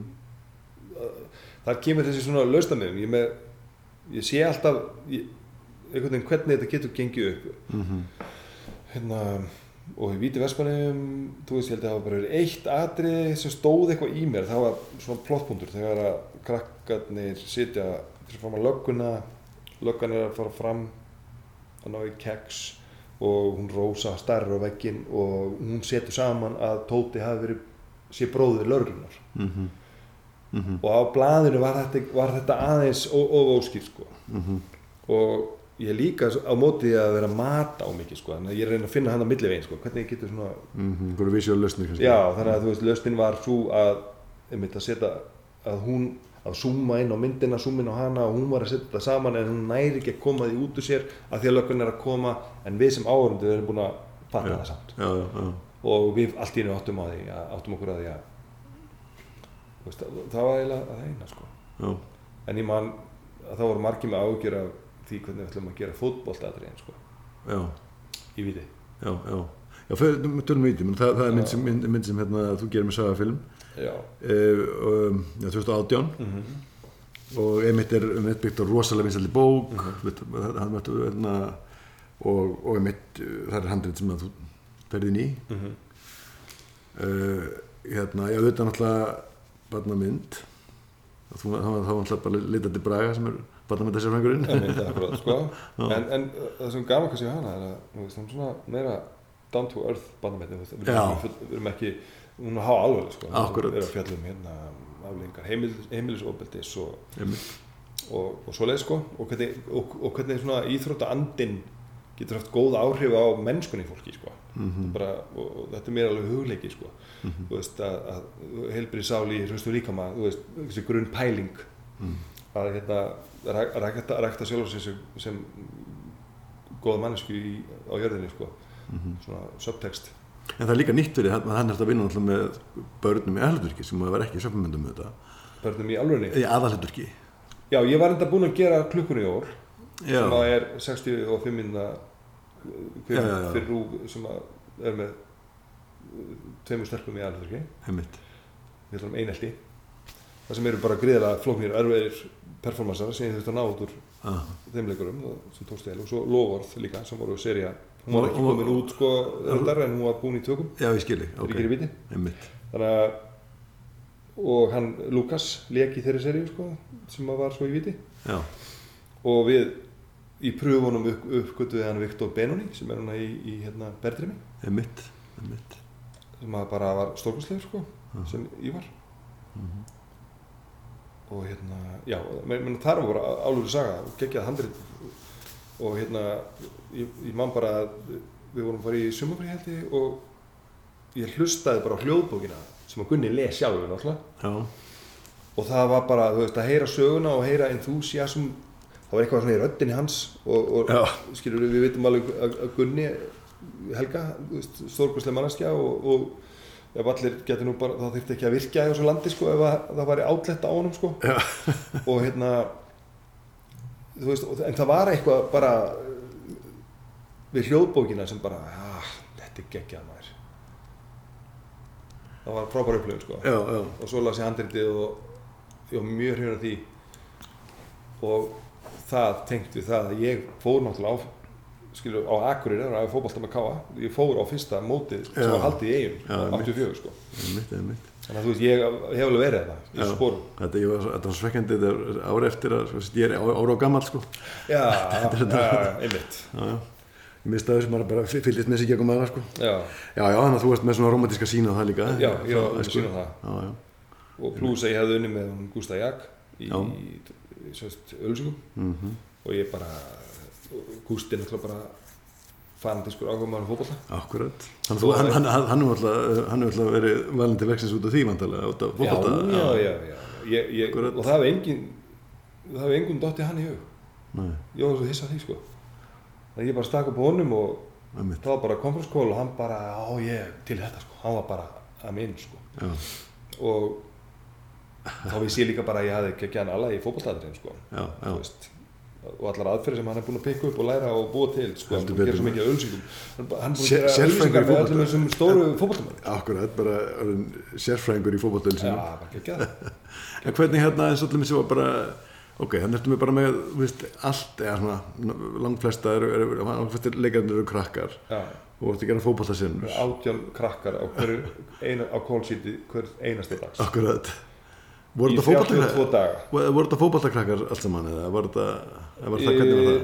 Já, en sko allir höfðu náttúrulega bara eftir að spila fótbolta Já, þannig að það var svolítið tekið fram í pröfu skilurðunum sko einmitt að vera með svona reynsla fótbolta, geta að spila fótbolta uh, og svo leikurinn tilbyrðis. Þannig að það voru allir sjóaðir í. Maður gat, og maður getur, þó að sett ekki besti fótboltamæri heimi, það er alveg að, láta það virka sko. Mm Trikkið var líka svolítið það sko. Framleiðslan fær það í gegn. Og Vestmannæja bær er, er okkar stuðninsæðal í þessu, við erum að fara til eiga þannig að, en mótunum má ekki raska sko, það er, al, það er svolítið heilagt með móti, það þarf að ganga upp. Hver leikur er hvað? 27 myndur eða eitthvað leys Já, ég mann ekki alveg. Eða 27, ég maður ekki. En þetta eru slott, þetta eru bara vellir út um allt. Mótið þarf að ganga. Það er bara reyla kemni og, þannig að við erum bara að láta innrita liðið, fálkar, make believe lið Mm. það tekur ekki þetta mótinu en það er í, er í mótinu en þetta er kvimdatöku Og er að keppa Leikir. við hennu lið, alveg lið Já. já, já. þannig, það var eina leiðin fyrir okkur að fá myndir af þeim að spila á staðnum Aha. í eigum, í dalnum þú veist, á Það allt umhverfið og Allt fóreldrar bara, út um allt og, já, sko. þannig að þá, þá horfum við á handritið sem að Gunni náttúrulega þekkið fótbolta inn og út. Og allt tæknilega upp á tíu í lýsingum þar. Og þá byrjar maður að horfa á fótboltaatriðin bara sem ballett. Þetta er bara, þetta er blokkeringar atrið þú veist, það eru nákvæmlega lýsingar alveg á því þessi fær þarna boltan, þessi sækir á hann hann stígur hann út, hann fyrir upp kantinn gefur, þannig að það er alveg fullkomin lýsing á hverju fótboltaatri þá tökum við það fótboltaatri og við vitum hver anstæðingurinn er það eru leikaralið líka. Við tökum þrjár vikur nýri þróttara velli og við æfum þessi atri Mhm, mhm. eins og um ég skilji, þetta er blokkeringar og það er og hver er bestur að, að, að undirbúða þetta heldur en Gunni sjálfur sem er sérfræðingur á, á leiksviði og sérfræðingur að setja saman svona já, já þannig að hann Hann var bara fóð bara í þetta. Aha, þannig erum við ekki að tökja sem kamerur. Við erum mjög svo fótbolta. Og við erum að blokka, við erum í rauninni með leik, reysastort svið og þeir eru að leika þetta atri Mhm. og þegar við svo förum til eiga þá kunna þér þetta upp á tíu. Mhm. eina sem við þurfum að gera í þessu er að ná master. Þannig að það eru tvær kamerur langur trakkur eftir Mhm. vellinum. Og atriðið tekur miklu stýttri tíma í rauninni í, í leik heldur en slottið okkar. Já. þannig að við gátum tekið fjóra og fimm tökur af þessu. En byrju, er þá hitlið að móti? það er búið að það æfði á móti. Það er það móti, já, það voru leikaralið þannig að það- eru leikarar í, í báðu. Já, já, já, einmitt, einmitt. Já, já, og nákvæmlega búið að ákveða hvað á að gera. Já. þannig að við bara sena númið þetta já, slott númið þetta trakkur, Já, taka eitt flott, Mhm. breytum á þessum stöðu. Taka tvö, taka þrjú masterinn komin mhm, mhm. Svo vitum við bara að skriðtaklingar, einhvern eftir í gras bolt að fljúa, Mhm. close up á skóm, við erum bara að taka það í, kórnum Það gerir það annars þar setna hann er náðu öllu sem tengist þeim. En maður er ekki rosalega pressa að vera í eigum í tökum með alltaf fólk verður náðu þessu öllu. Já. Hvernig verður veðrið? Veðrið eigum er yfirleitt eh, ekki hægt að treysta því og það, við vorum mjög heppið með veður á öllum tökudögunum, leikadögunum Mm.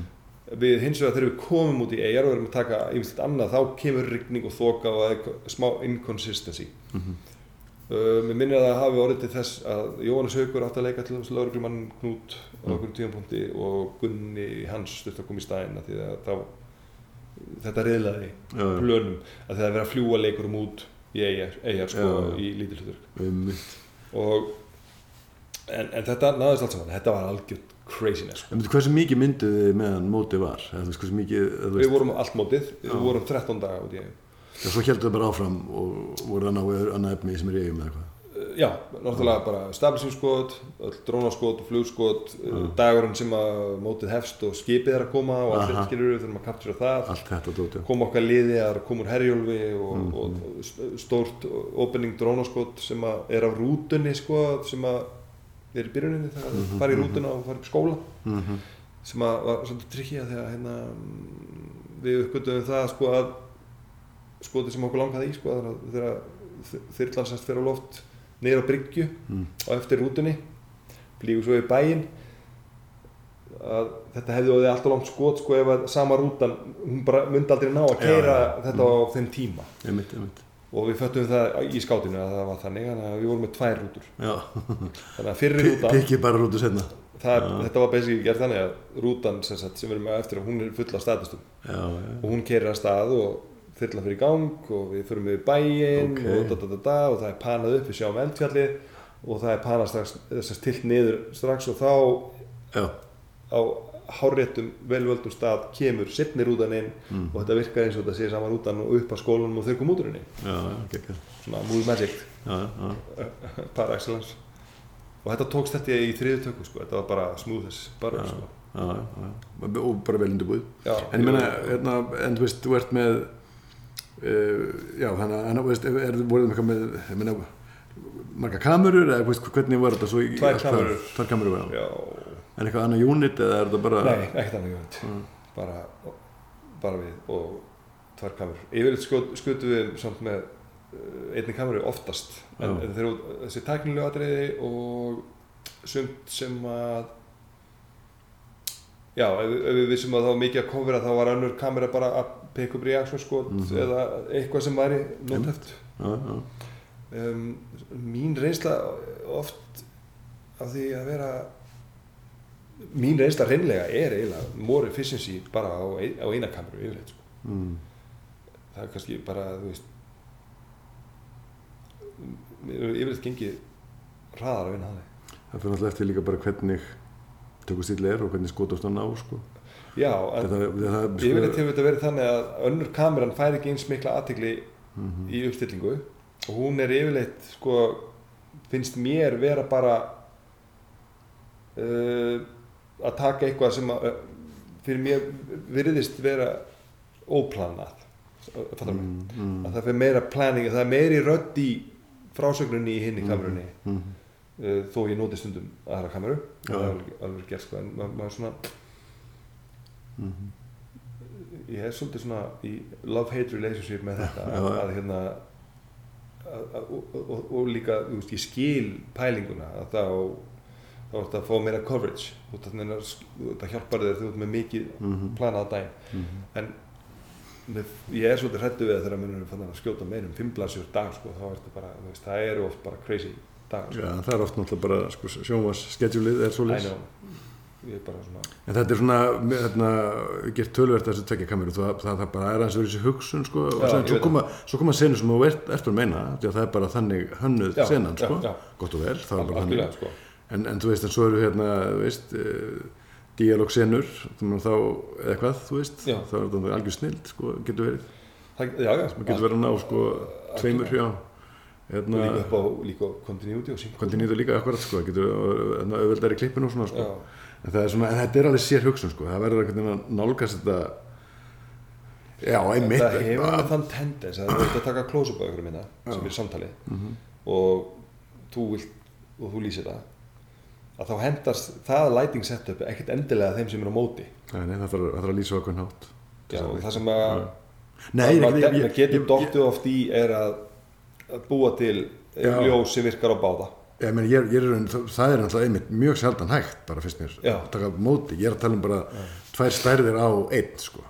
Já, tvær á einn, já, já, já, já, já. Ég- það er ég hef snill, það, sko. sko. Já. Það finnst mér mjög, mjög gott þá ertu bara, herðu, ég er hérna er með medium og close-upið eitthvað svona já, já, já. öðruvísi vingill Já, eitthvað, já. hlýðar eða eitthvað er eða- stór vingill eða eitthvað og veist, þetta getur verið algjör snill sko. Þá ertu komin bara með þetta cover að þá getur við ekki snúið okkur við sko.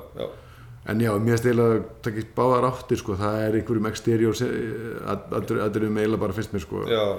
með eitthvað overkast sko. Þetta nýttist okkur ógslag vel í fótboltatriðunum og þá, þú veist, einmitt, vorum við action. með tvö coverage af þessu einmitt, einmitt. og Svo- kekjað, sko svo er önnur leið sem er líka hérna, mjög, ég elska að gera sko. Mhm. það er ef að við erum bara í þessu herbyggi hérna og svo lappa ég fram og er að sækja bolla eða eitthvað Já, og þá er bara maður að hérna kaminu það sko. Já, já, já, þú veist, og það er búin að næ bara því mómenti það er bara eitt móment, síðan er ég hér og ég veit ég er að kofera mér hérna. Já, já, já, eða, ég veist, þetta er svo oft eitthvað svona ferðalag. Ég elska þetta. Já, já, já. þá er bara, er ég bara komandi, ég þarf ekki að fara fram og hérna, hann að vita sko. en, en, þetta er að svona vera með það coverað sem væri mögulega ekki en já, en það þarf að hugsa einhvern veginn að það er bara að breyta hugsuninni til þess að það virki, til þess að sé ekki mitt. Að kamera 2 sé ekki fánan ást sko, er nefna, það er það, er hættan er sko. ég, ég hef upplifað það oft, alltaf oft sko, að hún er ekki að gera neitt einmitt, einmitt, einmitt. en þetta er líka, meina, ég, ég var einhver bíómyndum sko, þá var ég operator á kameru 2 mitt sko, og átti mitt á því þú veist, já, svo er líka bara hérna, maður getur verið að, veist, komið tilbúið að vera kreatífur og, það, og hérna, oft er þessi kamera að fara út á næja establishing og svona sko. þú veist, þannig að það er líka eitthvað svona, mm -hmm. hugsa um þetta sko. en þetta, er- þetta, þetta er mjög trikki já, menn, þú veist, þetta eru þú veist, whatever you need to do to get the shot sko. þú veist Já.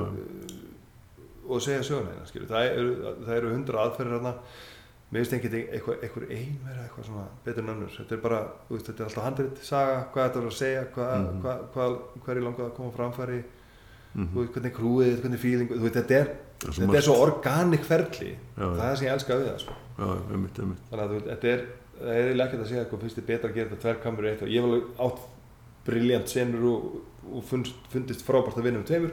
Svo við fundist bara aðeins að vera með eina.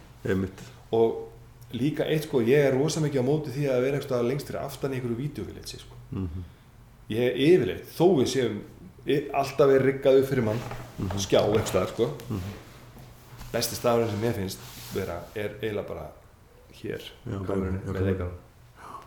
Ekki með móndur þá, bara að horfa Jó, og með þennan hendinni bara, lítið handheldan helst bara eða eitthvað þannig. Uh, það, það, þú veist, það gerir bara eitthvað. Og, og, það, og, og það hjálpar leikarum mm það, það gefur honum tröst Mhm. skilur það, það gefur honum tröst skilur að þú veist ég er að treysta honum, ég er að gefa honum eitthvað. -hmm. og við erum að gefa aðeim eitthvað það er svona það getur litið upp á séri strax sér viðbröð strax. Uh, 100% mm og fundi bara, ég finn bara veist, þú veist, þú finnur alltaf, allt öðru sér fyrir sko. finnst þetta mögulega að vera mikilvægur að þú ert mitt með börn Miklu, já, mjög, það er mjög mikilvægt með börn. einmitt, einmitt og það er líka, og, og, og líka sko, ég nota líka að það er bæðið með fullan og börn um, það er ekki allir leikarar svona lens aware tala um? akkurat, já, já.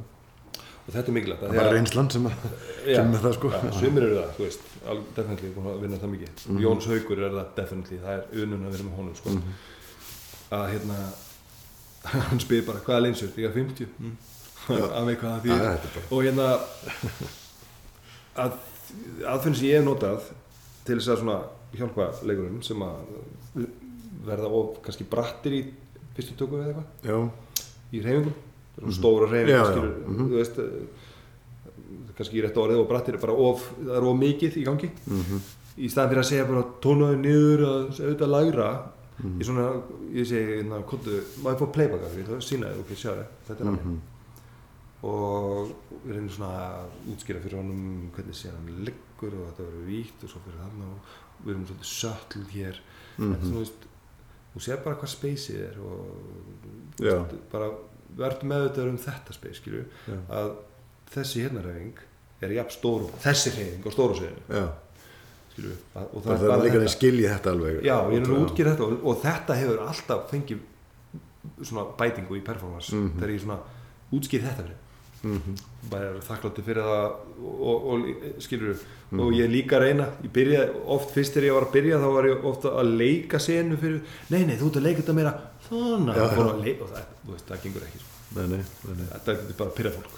Einmitt, já, en þú veist, maður bara lærir að vera betri leikstjóri með tímanum og lærir að miðla til þeirra líka. Já, já, já, einmitt og sé sé hvað virkar, menn þetta er, þetta er mjög punktur einmitt sko, le leikar er einhvern veginn bara, hérna, þeim finnst þú þægilegt oft bara einmitt að skilja nákvæmlega hvað er í gangi, þú veist, það vilja bara vita, herðu, hvernig, já, ok, nú skil, ok, þá, þá veit ég hvað ég þarf að gera. já, já, einmitt. Þú veist, eins og í Byrtu og hérna Margit Áka sem er nú tengdamóðu mín þetta sko en frábæð leikur. Hún var að leika, hún er búin að fá hjartáfall og leikur í sjúkrarúmi og þú veist, hún leikur sena og hún var rosa fín senan en mér fannst hún ekki nógu sko, nógu mikið lasin eftir hjartáfall og ég sín henni bara ramman í sig prófaði bara að ímynda þið skilur að þú sért bara með 10 kíló lóð bundi hérna aftan í því sem tókaði lóð Í- og bara þetta. Aha, og hún sagði bara það var best að nóta sig geggjað, já, og þetta breytti bara hennar þannig að fatta hún bara hvað ég er að sjá hvað ég er að meina, hvernig hún á að vera og hvernig þetta talaði. Já, og úr varð bara miklu svona betri augkontaktur og betri sko já, svona, já hún, hún, hún var, var bara skilur við það er svona hluti sko. Þetta er eitthvað dæmi eitthvað sem er svo auðskiljanlegt. Já, þetta er barnalega auðskiljanlegt. og, alveg, alveg, og allt sem þetta vita af því að hún er pró hún veit alveg text á leik veist, mitt er bara að miðla til hennar og leikstýra skilur, Já. út frá miðlunum sem ég er að vinna með sko. Mm og eins og leikstjórn út í sal myndi gera á stórumsniðinu bara Já, já, gerðu svona, baða út hendurnar skilur, veist, þetta er allt frá þessum sjónur mitt hlutverk er, er bara að standa vörð um miðlinn og ramman og, og það, sem, það sem ég er að horfa leikarinn í gegnum sko, og reyna að koma því til þeirra Þe- Þetta er annað svona magic sko, Mm. að, mitt, að, að mitt koma með eitthvað svona Mhm. og þú ert búin að vera að horfa eitthvað performance og svo kemur eitthvað svona eitt, eitthvað hugmynd eins og þetta, Já. hana, 10 kíló eða hvað þetta er og allt í hennu bara breytist performancein og verður einhvern veginn Já. betri og réttur. Já, og þú finnir það, leikarinn finnur það Akkurat. og tökum maður, allir finnir þetta sko. já. þú veist, það er það er rosa magic í því það er magiki, það, það er máli sko. Og það finna allir, þegar þetta tekst vel og, og þá, bara, þá er bara svona einhver þögn og, og það er eitthvað ramagn á settinu og það bara allir eru bara að skilja það sama. Já, það er það sem vilt reyna að ná sko. Einmitt, einmitt. Ertu hérna, núna, þannig hérna Byrtu mm. Sem að uh, já, ég sé hún er, hún er, er hún kreditir þessum sem sagt, þú ert að leikstýra með öðrum, eftir hvernig Nei, er. ég er leiksturinn henni og, Já, ok. og ég og kona mín framleiðum hennar og Helga Arnaldóttir er handur sundur Já, hún handur sundur í þessu, já, ég skil, já. En hérna er, þetta- þessi mynd þarna, hún var, hún var, þarna hún var að vinna með símanum, Já, hérna, sem er hans vart í ferli, ég meina þarna eru þið sem sagt, þarna er hún sínd á símanum. Já með fljótlega eftir, ég, ég er unni fer bara með hugmynd Já. náðu síman að því að maður er uh, sko, ég er, er alltaf að reyna að átta mig á og líka bara breyðast við og, og vera með í þessu þessar, þessum öðru breytingum sem Mhm. bara er sér stað í, í sko dreifingaranganum. Mm hérna að því að markmiðið er náttúrulega að reyna að koma kvimundinni fyrir augu sem flestra. Einmitt, og hvað er fólki skilur að horfa? Það er þú einmitt, og ég líti á það streymisveitur er alveg plattform til þess að frumsýna bíómynd alveg eins og kvimundahús og maður sér þetta á Netflix þegar þeir voru að frumsýna Róma og Ærismenn að hún á, átti bíóglugga en maður vissi að þegar húnum var lokið þá myndum frá Netflix. Mm og ég svona nálgæðist þetta um, með þetta í huga. Hvort að þessi miðlar geti ekki farið að vinna saman Mhm. geti bíórelease ekki orðið markas ángi er fyrir, að fyrir release til dæmis Mm. á símanum mm -hmm. og, og við pró, prófuðum þetta Já, í staðins að hugsa það, herðu, hér eru bara búin að taka okkur áhörundur í burtu, akkurat bara frekar þetta sé ekki mitt. Nú er bara verið umræðinni og fá, einhverja kritík og svo fram með Já, umfjöllun. þetta er bara það, fó- fólk fer í bíó Mm og fólk horfir líka Einmitt. og ef myndin er góð, ef þú ert að gera góða mynd þá eru mjög mikla líkur á því að fólk fær í bíó og kaupi sér áskrift þú veist það er a- a- allt að vinna þetta sko mm -hmm. og, í, Og sími kveikt á þessu. síminn kveikt á þessu og við prófuðum þetta Mhm. og hún var frumsýnd 15. november og var í þrjárvíkur í bíó og svo var hún og það var alltaf tekið fram í öllum plakatum og prómói að frumsýn 15. november í Kvimundahúsum mm 23. november á Já. Silfur Premium. Já, það var svona stuttum, þetta var bara eitthvað, testið þetta var líka, jólathema í myndinni. Aha, og þannig að hún væri jólamynd Símans. Aha, aha, Jólamynd Símans, frumsýnd í bíó. Já. 5. og Símanum, skilur þetta, þetta var það sem við prófum og þetta virkaði. Hvernig var aðsókn og hvernig var, uh, var þetta ég myndi, ég myndi segja að aðsókn hafi verið outstanding miða við það að við erum að frumsýna sagt á, á hérna förstu degi og það er frumsýning fyrir fullu húsi í tveimur söru hjá okkur á, Aha. á miðvikudeginu Mm. svo er hún frumsýnd á fimmtudeginum fyrir göðu á förstu deginum er tilkynnt lockdown Já, og hraða prófa skilda Ok, einmitt. eða munið til því Góð tímasetning. já, á förstu degi fyrir frumsýningu Já, og svo, þetta- svo, svo, 21? svo, dróðu þeir úr því á lögadeginum að það, að það væri svolítið bratt að, að krefjast hraðprófskildu þannig að við ætlum að taka það í gildi á mánudeginum komið í einhverju neðamálskveðin á lögadegi Er þetta hann í november 21? já, Já, já. Ég maður þetta fór allt inn í sko tí- tíu manna, já, já. Ég var, ég var, ég var í tökum á þessum tíma, sko. þannig að það var lockdown eiginlega allt periódi hjá Já, já, en það fóru 5600 ánum bíu Býsna gott með þetta. það er mjög gott með þetta og ef þú pælir í sko þremur vikum fyrr var allt opnað Já.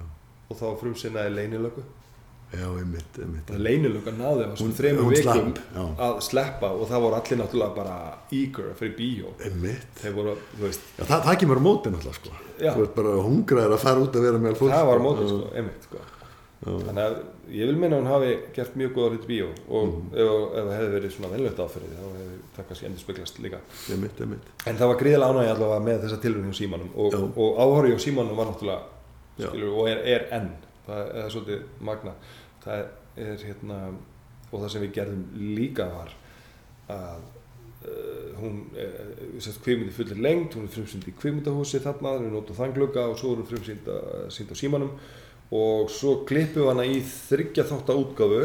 Já, ekki með neinu aukaefni en eitt þannig við bara í rauninni bara sama myndin. erum bara, bara eins og þú tækir tvö hlje á myndinni Já, en byggum til í rauninni episóda þannig að það stendur bara þáttur eitt. Aha, svo bara ákveðum tímpunkti feitar út og það kemur kreddlisti þannig að fólk gætt valið já. að horfa á hana sem þryggja bíómynd. En ég meina það, það er bara eins og horfa á hana í bara horfa á fyrsta hlut og byrja eftir setna er Já, já. já, já, og það eru ákveðin vísindi sem að mér finnst mjög aðtiklisverð Já. það er bara stór hópur sem að er svona binge watchers. Einmitt.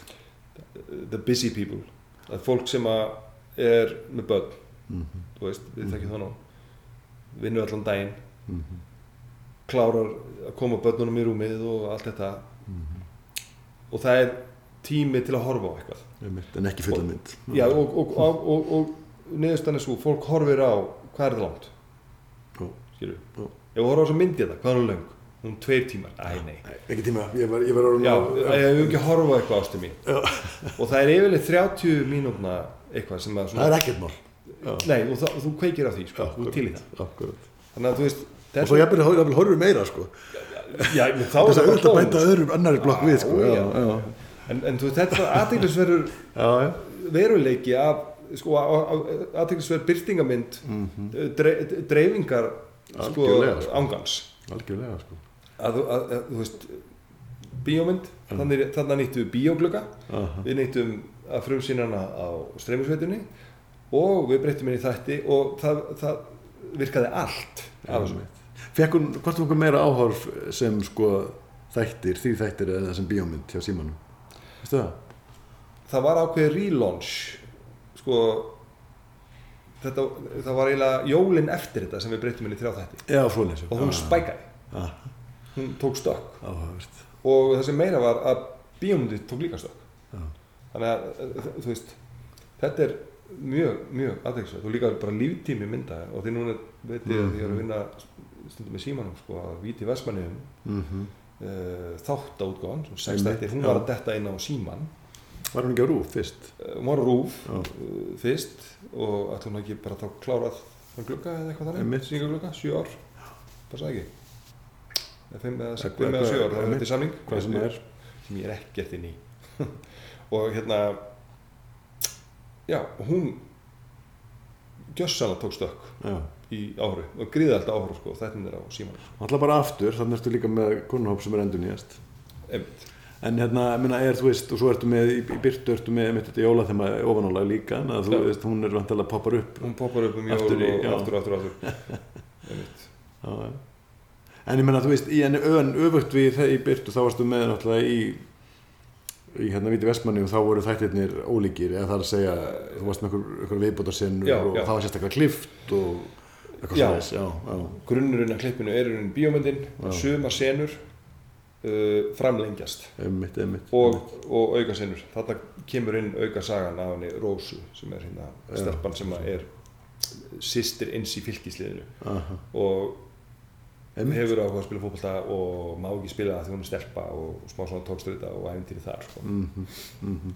Já, náttúrulega, einmitt, menn þetta er áhugavert, já, veist, er bara möguleikarnir sem opnast við þetta eru náttúrulega, eru spennandi. já, Það verður eru, þannig, eru það. Já, ég held að við þurfum bara að vera svolítið ofin fyrir að nýta og þetta er ekki svona þetta er ekki mynd kemur á bíó og, og sem búin í bíó og DFD og eða þú veist og þú missir áhörundur ef hún fyrir bíó. Ég held að það sé ekki þannig sko. Einmitt. ég held að fáir ég held að séu kunnhópar sem fara í bíó og sem sjá hann á streymsveitu og svo eru ákveðin hópur sem bara myndi bara fara í bíó Mhm. og annar hópur sem myndi bara horfa á hana. Já, skilur, ég held að flóran er miklu stærri en fólk heldur.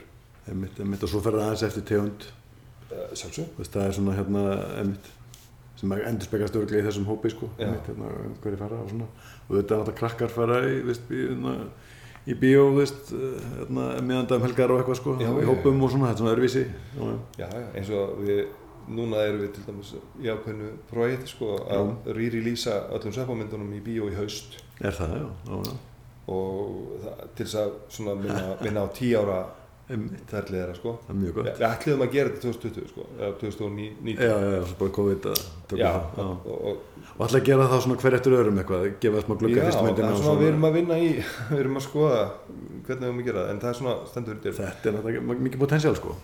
Já, við ætlum að, við ætlum að laga það til, við ætlum að hérna, setja þær í svona, opna masterina og, og endur kolorgreita þær aðeins og, Já, og remixa í svona vonandi í hljóði, Mhm. sem sagt, hérna, já, mixa þær bara, veginn, setja í gegn, gegnum nýtt mix bara já. og svona búa til nýja mastera fyrir framtíðina. Mm -hmm. Það er gott.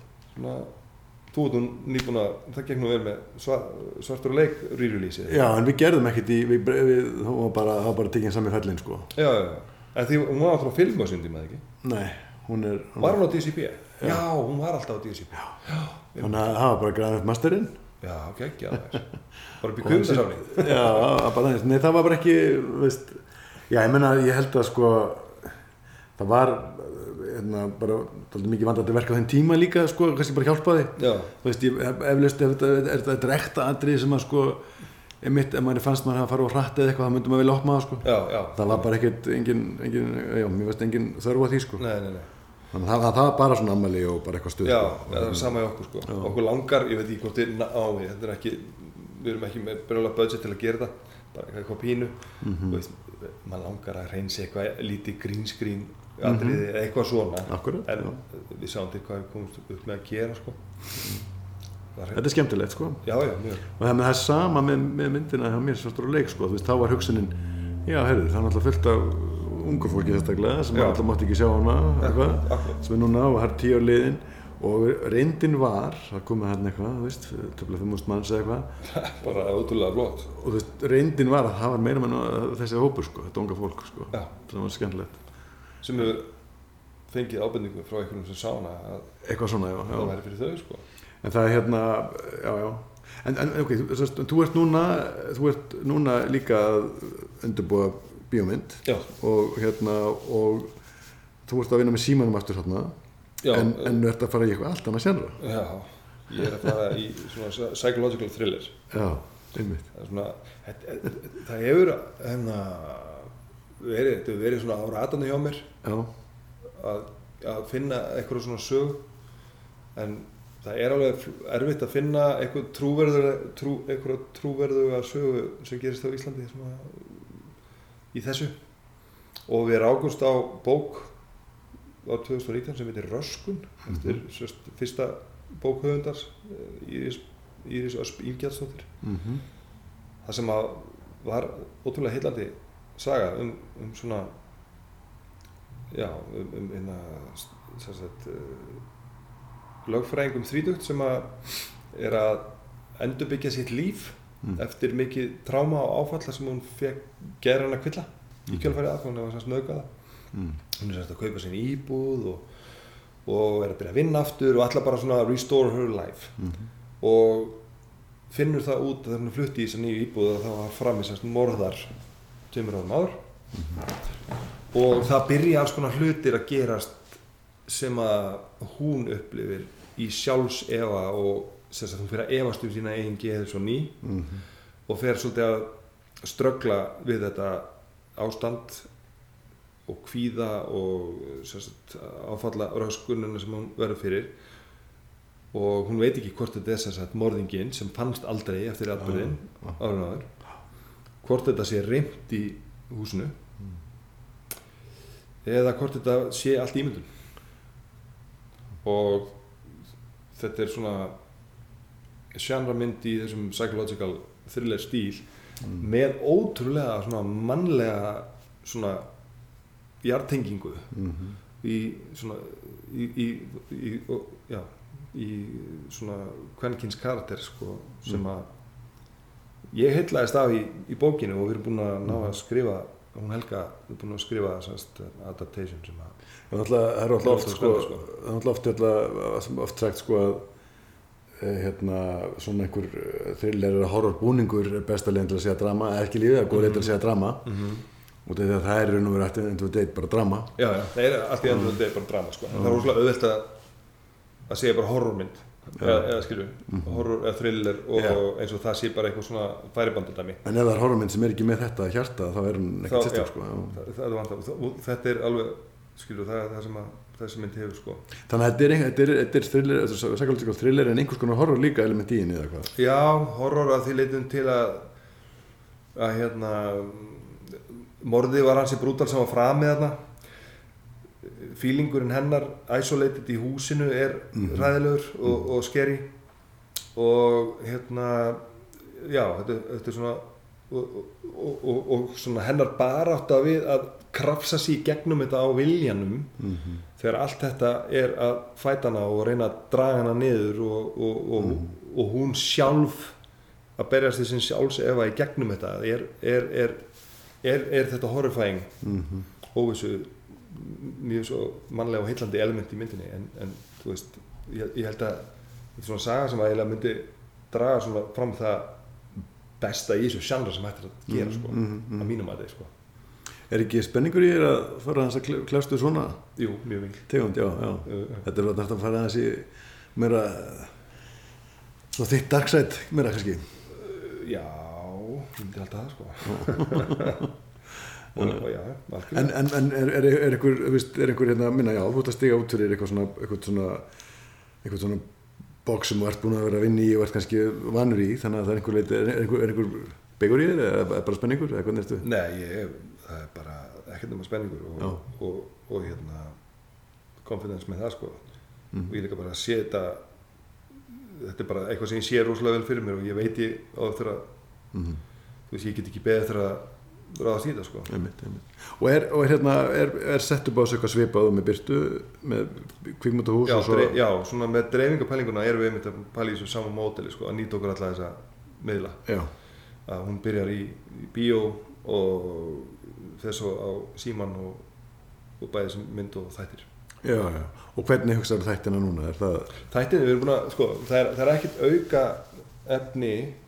Þannig verður bara klift, hún verður svona klift í þrjá punkta og þetta er búið að vera svolítið gott að að vita af þessu fyrirfram, líka við erum að skrifa og þetta hefur líka hjálpað okkur í handritinu að átt okkur á sko þessum þryggja akta struktúr sem að vin, vin, er notaður í handritinu uh, skilin það sem við í rauninni gerum hlje Mhm. við getum kallað það svona svo Mhm. er ekkert kannski endilega á þessum þryggja akta Nei, heldur kannski aðeins fyrr eða aðeins setna Mhm. og en, en, en þetta er allt sem sagt hanna þannig að, að það virkar það eru svona, það eru cliffhangerar veit, Já. og, og, og, það hjálpa okkur þetta, þetta sjánra hjálpar okkur skilur þess að Já, já, já, já. það eru punktar alltaf það sem þú þarft að, Já.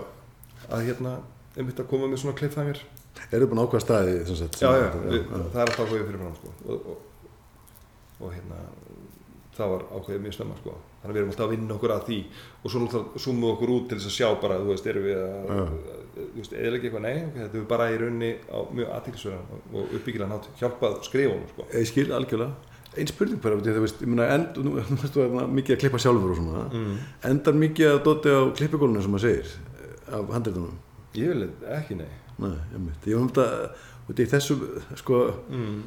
hérna, ég, sko, ég, ég, hérna, þegar ég gerir ég maður þig, þá gerum við sjónsútgáfu. Já, og þá er einn settum við einn dót sem enda á klippigólunum, sko. Já, já, settu aftur inn í Já, þannig að það er eitthvað ákveð, það kom, þessi hugmynd kom eftir að gera já, já, sjónsútgáfuna. ég skil. Og það var bara, herri, já, þá getum við nýtt þarna þessa senu sem ég tók út, sko. Akkurat, akkurat, akkurat. En ég, bara, ég var bara að hugsa sko, þú veist, sko, þú að, þú, þú Stundum í klippinu einhvern veginn endar fyrst aktið að vera bara öðruvísi eða stýttra út af, veist, það er sem klippi segja þér sko. já, já, Þú veist, ég er að hvernig hérna, veist, eða eru, eða ertu að ráð fyrir að eitthvað fara á gólfið sem að mögulega í myndinni sem getur verið í þáttunum eða hvernig svona. Við erum með í rauninni ekki að gera ráð fyrir því en ég veit að bara reynslunni og að það getur allt gerst og Mm. að hérna, það getur verið að, að það breytist en svona við erum svona að hanna þetta fyrst og fremst sem bíómynd Mm en við erum meðvituð um að að þetta er, er þetta höggvan í þrjá punkta Já, út, út frá þessum nýju pælingum sem við vorum að ræða hérna á til dæmis Ég veit. En hérna, já, með röskun, uh, ertu, sem sagt, uh, á, já, hver er staðana sem hún í dag? Þannig að þú tilbúið, með tilbúið handrit. Er, skrifuðu þið handriti saman? Helga Hún, skrifaði hún það. skrifaði handriti, já. já. og svona sem leikstjóri hefur maður svona vakandi auga með því Mm skilur á þess að vera aktífur skrifari Mhm. það er svona meira svona visual bara punktar og pælingar og vangaveltur sem hafa nýst og hafa já, hjálpa við skrifin. -hmm. en hérna Helga er sko hérna, blaðamaður. Mm uh, hún er sko snillingur í að henda fytu út sem það er ekki að vera. Er að summera hlutina algjörlega upp sko og það er geggjað svona að horfa það að gera sko. það er hérna hvernig já, hún er svaklega sérstaklega með bók. Sérstaklega með bók, sko. og það bók og, inn og, úr það, og líka bara hvernig hún endurraðar og hvernig, hvernig hún er hennar, já, hún er ótrúlega góður höfundur sko. Mhm. Svo góð að, að framkalla svona, svona svo, sérstaklega ég er að sjá það bara gerast í þessu adaptationu sko. Mhm, mhm. og í rauninni er, er svona veist, að gera söguna þar að sé betri sko, en, en bókina eh, sko, fyrir miðlun sko. Skil, Það er- þetta er ekki svona eins og, eins og, eins og bein uh, framköllun á Nei. bókinni fyrir miðlun heldur við að nýta miðlun til þess að ná sálinni í bókinni Mhm, á stórkvæmslega nátt sko, sem, er, sem er test að gera í handritinu sko. mhm. Það er vel orðað, sko. Ná sálinni úr bókinni, það er svolítið já. það sem aðlöfun er, sko. Já, sem aðlöfun er sko að að hérna, menn falla oft í þá griðu sko að, að svona bara heimfæra hana Já, og láta þar staðan um sko. já, já, já, einmitt, einmitt. Já, mjög spennandi ferði í gangi sko. Já, og þið náttúrulega, er náttúrulega búið saman, saman með fyrirtæki og Já. saman þessu, en þetta er náttúrulega mjög náið samstarf og, Já, mjög náða samstofur, Já, það já. er indislegt sko. Já. Og að svipa fyrirkomulega í byrtu, eða ekki? Með, Jú, já, já. En hvernig með svona eins og hérna, einmitt, leikaraval, helsta svona annað starfsfólk sem ætlar að vinna með, ertu búin að ákveða það? Já, sko það er yfirleitt ekki hægt að ákveða það Nei, það er þannig ástandi hérna á svo landi núna, það eru endalus verkefni gangi og erlend Já. verkefni og uh, það, sko, við höfum alveg farið í það að vita með góðum fyrirvara jafnvel hvernig við ætlum í tökum Mhm. og pensla fólk í það og missa það samt sko, af því að einmitt. eitthvað starra verkefni jafnvel ellend sem að eru þá fleiri garanteraðir vinnudagar Já. eru komið inn eitthvað þannig það er rosalega erfitt að eiga þetta þannig að ég, en máli er samt bara það er svo ótrúlega mikið að færu fólki hérna. Mhm. ég er ekki hrættur, ég er ekki ég hef engar áhyggjur af því að maður finn ekki gott fólk í mm krúið því að það er eiginlega bara gott fólk hérna. Já, í já. krúin, krúin okkar eru algjörlega geggjur sko. En þú ert ekki búin að eyrnamerkja hérna, tökumann eða leikmæti hann eða eitthvað svona, eitthvað svona, eitthvað svona stóra en- stöðu þú jú, ég er búin að gera það. Já, og, og, og hérna, heyri viðkomandi en, en hérna, þegar maður er Ekki garanterað. komið með garanterað start date nei, nei, nei, þá getur maður ekki festan sko. Einmitt, einmitt. En leikara vel, ertu, hver, hver er sta- staðan á því, ertu búin að sko við eh, vorum búin að pensla uh, ákveðna leikara mm og svo frestaðist ferlið -hmm. þannig að við mistum þá í bæði leikhús og annað og við í rauninni erum já, við erum í rauninni ekki búin að festa þannig Nei, ekki sem ég þóra að segja hér sko. Nei, nei, bara þannig að þú komið með, þetta, þú þess- þessa dagsendingu, þannig að bara eins og, eins og gengur. En, þið, en þú ert að, þú ert að stefna á að fara í haust í gangi, ekki rétt, já. við, við, við, við vorum sett að fara í gangi í janúar Mhm. og hérna út af svona ástandi í kveimundamistu þá frestuðust uh, mjög verkefni Já, það var ekki að lofa fjármagni að og okkar verkefni var eitt af þeim Mhm. til miður en við svona sjáum fram á að, að geta farið í gang núna í haust, oktober, nómur Mm Einmitt. Herðu frábært, þetta er bara hérna ásköku góð skengis með þetta. Takk fyrir það. Og hérna við heldum ekki bara séð það gott, þetta er að vera hérna, skemmtilega spjall og gamla, gamla, gamla tíma. Já, við hefum svona ímsa fjöruna svopi hérna áður fyrr og alltaf öru hverju svona gegnum tíðina uh, mæst sko, það er alltaf gaman. Já, þetta, hérna, þetta, þetta nær lengur, lengra aftur en maður einhvern veginn átti að segja á Já, maður er nú alltaf einhvern veginn ungur í anda í þessu. Já ungur í hjartanu sko. Í hjertanum sko. Já, það, það breyðist ekki sko. þannig að jú, þetta er búið að- virkilega gaman, takk fyrir mig bara. Segjum það bara gott í bili